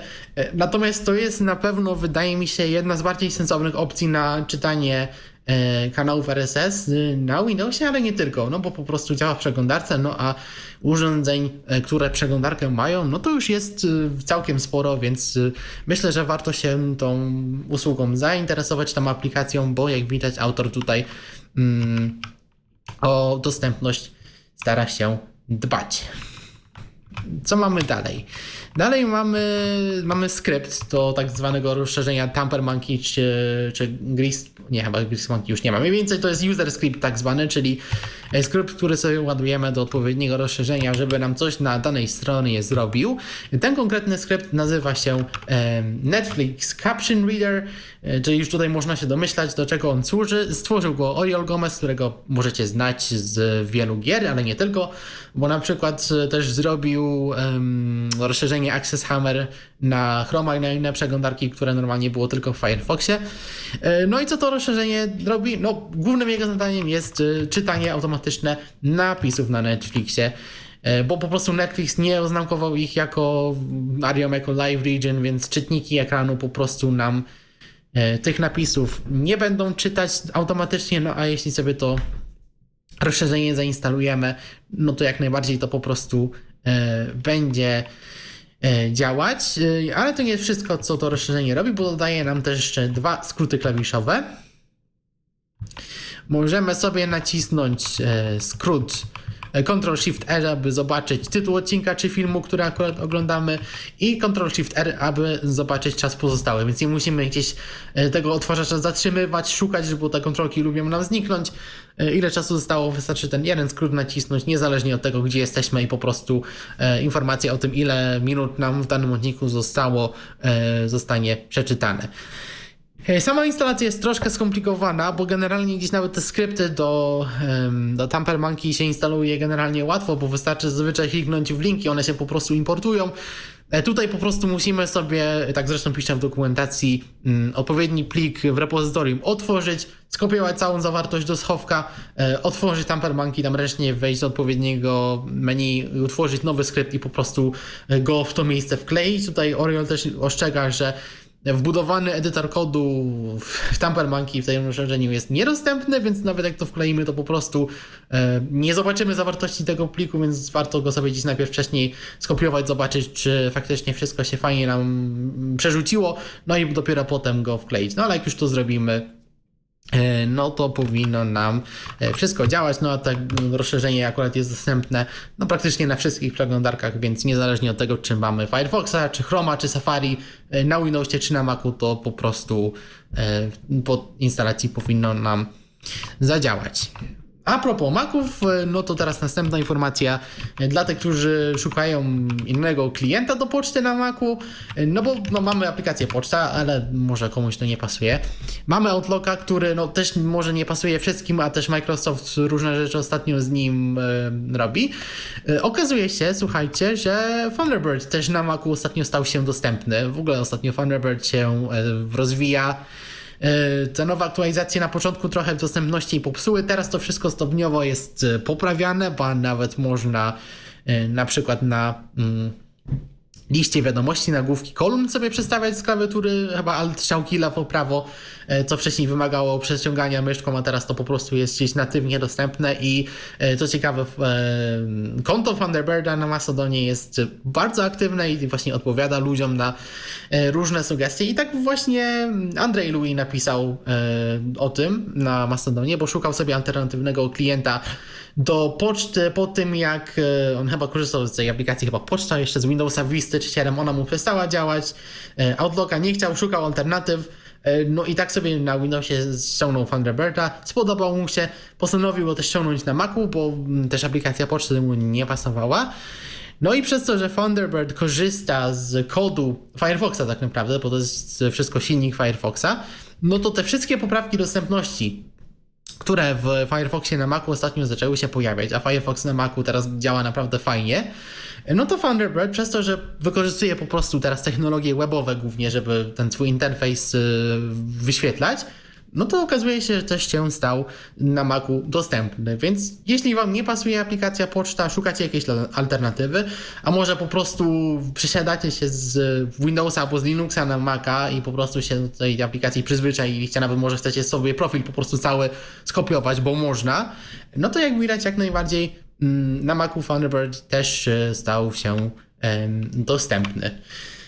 No i a propos rzeczy, które stały się dostępne, to mamy jeszcze takie dwie wiadomości. Mm, pierwsza, no to developer 1 postanowił e, poprawić dostępność takiej aplikacji, którą no, mogą kojarzyć ci, którzy e, jakkolwiek interesują się komunikatorami, a konkretnie czatem takim głosowym. No bo słuchajcie, było Ventrilo, był TeamSpeak, e, był czy tam jest TeamTalk.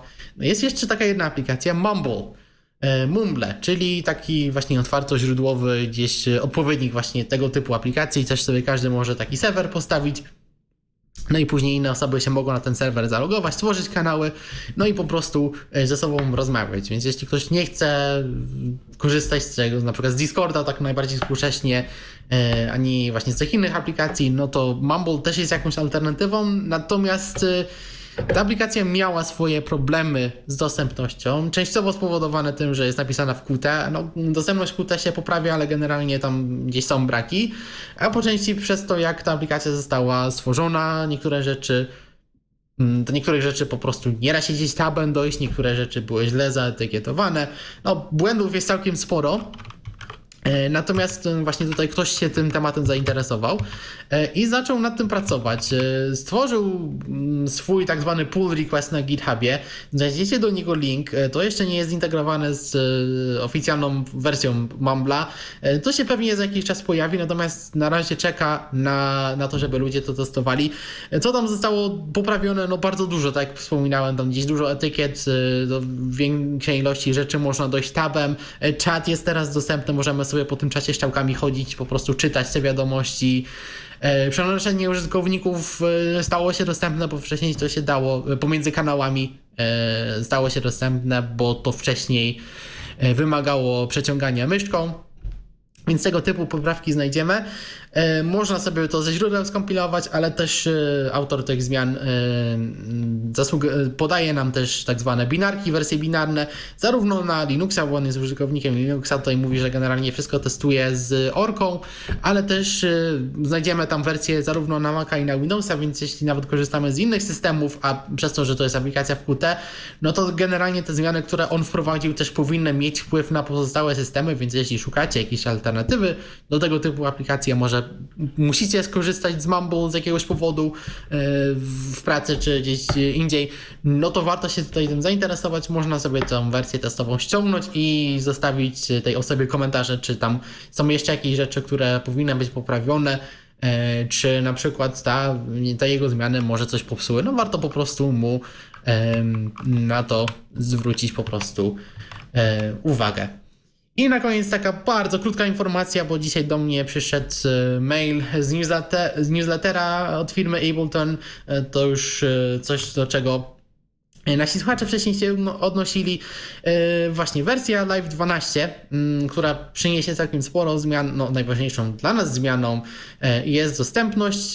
Ukaże się publicznie 5 marca. No, wiele osób wiem, że na to czeka, no bo tak jak to chyba Marcin, jeśli dobrze pamiętam, jeśli nie, to przepraszam. Wspominał, to jest e, no, jedna z najbardziej popularnych aplikacji do tworzenia muzyki. Ona ma taki bardzo specyficzny sposób pracy, e, gdzie najpierw sobie e, różne fragmenty piosenki tworzymy, a potem możemy je ewentualnie jakoś poukładać na osi czasu w takim bardziej tradycyjnym interfejsie, albo wykorzystywać ją mm, podczas jakichś na przykład koncertów na żywo. Ona też ma dużo wbudowanych swoich dźwięków, instrumentów i innych rzeczy. No właśnie. Też ona... ludzie sety DJ-skie na tym składają. Dokładnie. Dokładnie. Ona wcześniej niedostępna była wcale. No i to w tej wersji się zmieni. Tam parę audycji do tyłu, e, pamiętam, że dawałem link do zmian dostępności. E, no, tam na początek, no przez to, że to jest dosyć e, no, duże przedsięwzięcie, nie wszystko pewnie będzie dostępne. Tam jakieś około 80-90 może procent aplikacji będzie dostępne. Na początku parę takich może bardziej graficznych rzeczy na start dostępne może nie być, ale tutaj na pewno będą jakieś aktualizacje później jeszcze robione. A te osoby, które to już gdzieś testowały, które się na tym wypowiadały, no to mówią, że Mm, działa to już naprawdę fajnie, więc myślę, że jest na co czekać. 5 marca e, ta mm, pełna wersja się pojawi. E, można sobie wtedy ściągnąć wersję próbną, to jest chyba 30-dniowy okres próbny, a później, jeśli nam się ta aplikacja spodoba, no to ewentualnie można się zastanowić nad e, jej zakupem. Chwali się, że no, producent tutaj na coś takiego się, nawet po tylu latach aplikacji, która pewnie nie było łatwo ją udostępnić, no bo mówię, wcześniej dostępności nie było, no fajnie, że jednak zdecydowali się coś takiego dla nas e, zrobić. No i to na razie wszystko, jeśli chodzi o nowe takie tyflo wiadomości z technologii. Tak, i, ale to jeszcze nie wszystko, jeżeli chodzi o Tyflo Przegląd, y, bo są jeszcze, mamy przynajmniej tak w notatkach zapisane, dwie wiadomości z no, tych technikaliów, zresztą dwie od Piotrka, więc y, no, pierwszą z nich jest informacja na temat tego, że Apple wzmacnia szyfrowanie w iMessage i ma być odporne na no, komputery kwantowe, czy w zasadzie to, co komputery kwantowe robią z danymi, bo robią ciekawe rzeczy. Yy, także, no właśnie, jak to wygląda? Yy, tak, komputery kwantowe, które co ciekawe dziś na razie są jeszcze dopiero testowane, one może za, w następnej dekadzie się mają pojawić, natomiast już się mówi o tym, yy, one generalnie e, są dużo, dużo szybsze od tych komputerów, które mamy teraz, nawet takich e, superkomputerów, które są gdzieś złożone z setek procesorów kart graficznych i innych tego typu rzeczy. I e, Choć podobno nie w każdym zakresie są szybsze. One są mhm. szybsze w pewnych no, typach przetwarzania danych. No właśnie, są szybsze w pewnych e, typach przetwarzania danych, między innymi właśnie mm, są bardzo szybko w stanie złamać szyfry, które mm, są stosowane w tym momencie, e, które dla bieżących komputerów są dosyć trudne do złamania. No i niektórzy producenci już zastanawiają się, jak ich usługi wzmocnić. Tam już Signal też coś zaczął z tym eksperymentować, a Apple poszło o krok wyżej, bo mówi się o tym, że niektóre jakieś osoby, które by chciały coś z tymi danymi zrobić, mogą już je gromadzić w jakiś sposób, e, nawet w tej wersji szyfrowanej, wiedzą, że może za to parę lat faktycznie, jak te komputery kwantowe zaczną się pojawiać, to po prostu będą mogli te dane gdzieś odkopać i sobie e, odszyfrować. Więc e, też poniekąd, żeby zachęcić ludzi do korzystania z iMessage, no bo no tutaj konkurencja im rośnie. Tutaj były próby Unii Europejskiej, żeby tą usługę otworzyć. Ostatecznie udało im się przekonać Unię Europejską, że iMessage jest, nie, jest, nie ma takiego monopolu w Europie, no co poniekąd pewnie też jest w jakimś sensie prawdą. No natomiast y, właśnie, żeby też nasze dane chronić jeszcze lepiej i pewnie też, żeby zrobić y, fajną reklamę przy okazji, y, postanowiono wypuścić nowy właśnie algorytm szyfrujący wiadomości na iMessage, który jest odporny na właśnie ataki z z komputerów kwantowych. W przeciwieństwie do tego, co zaoferował Signal, na przykład, przynajmniej tak tutaj piszę na blogu Apple'a, gdzie e, też taki mocniejszy szyfr jest stosowany przy wstępnej konfiguracji, przy tworzeniu konwersacji, no to w iMessage e, taki mocniejszy szyfr jest używany cały czas, nie tylko przy tej właśnie wstępnej, e, wstępnym tworzeniu tej rozmowy, ale też później do szyfrowania samych wiadomości. No i dzięki temu po prostu e, iMessage powinien być przynajmniej pod tym kątem e, bardziej dla nas bezpieczny. To po prostu będzie włączone dla wszystkich stopniowo. E, to się pojawi z iOSem 17.4, który pokaże się w przyszłym miesiącu. To już jest w wersjach beta zresztą testowane, tak przynajmniej piszę na blogu, więc jeśli dwie osoby rozmawiają ze sobą, które mają na tyle nowe wersje systemów operacyjnych, no to po prostu już tego nowego szyfrowania będą korzystać. Te klucze będą też zapisywane w tym e, bezpiecznym obszarze, w tym bezpiecznym procesorze, tam gdzie na przykład dane naszych kart, czy odciski palca, czy skany naszej twarzy też są przechowywane, więc nawet jakby ktoś się do naszego telefonu dobrał fizycznie, no to będzie takiej osobie bardzo trudno te klucze wydostać. No i dzięki temu po prostu iMessage e, powinien być e, bardziej bezpieczny. I drugi news e, z Tyflowieści również dotyczy komunikatora, ale zupełnie innej kwestii. Komunikator Signal, który wprowadza nazwy użytkownika, bo wcześniej no właśnie, jak to było z tymi nazwami? Chyba ich nie było w ogóle. Nie, nie było. Po prostu Signal, jak wiele dziś komunikatorów, które powstały bardziej na smartfony, działał w taki sposób, że po prostu rejestrowaliśmy się przez numer telefonu, e, a później jeśli chcieliśmy do kogoś napisać, no to po prostu aplikacja szukała e, po naszej książce adresowej, którą musieliśmy załadować numerów telefonów, no i jeśli znajdowała, że jakaś inna osoba miała też tego sygnała, to po prostu w ten sposób e, rozmowa była nawiązywana. No tak działa wiele komunikatorów, WhatsApp na przykład, chociaż WhatsApp też ponoć pracuje nad nazwami użytkownika. E, Telegram poniekąd też, aczkolwiek właśnie Telegram już ma to, co właśnie w sygnalu się e, zacznie pojawiać. No bo do rejestracji cały czas numer telefonu E, nam będzie potrzebny, natomiast żeby do kogoś napisać później, e, już nie, bo mogą być powody, dla których nie, chcie, nie chcemy e, naszym numerem telefonu się z innymi osobami dzielić. Więc w tej najnowszej wersji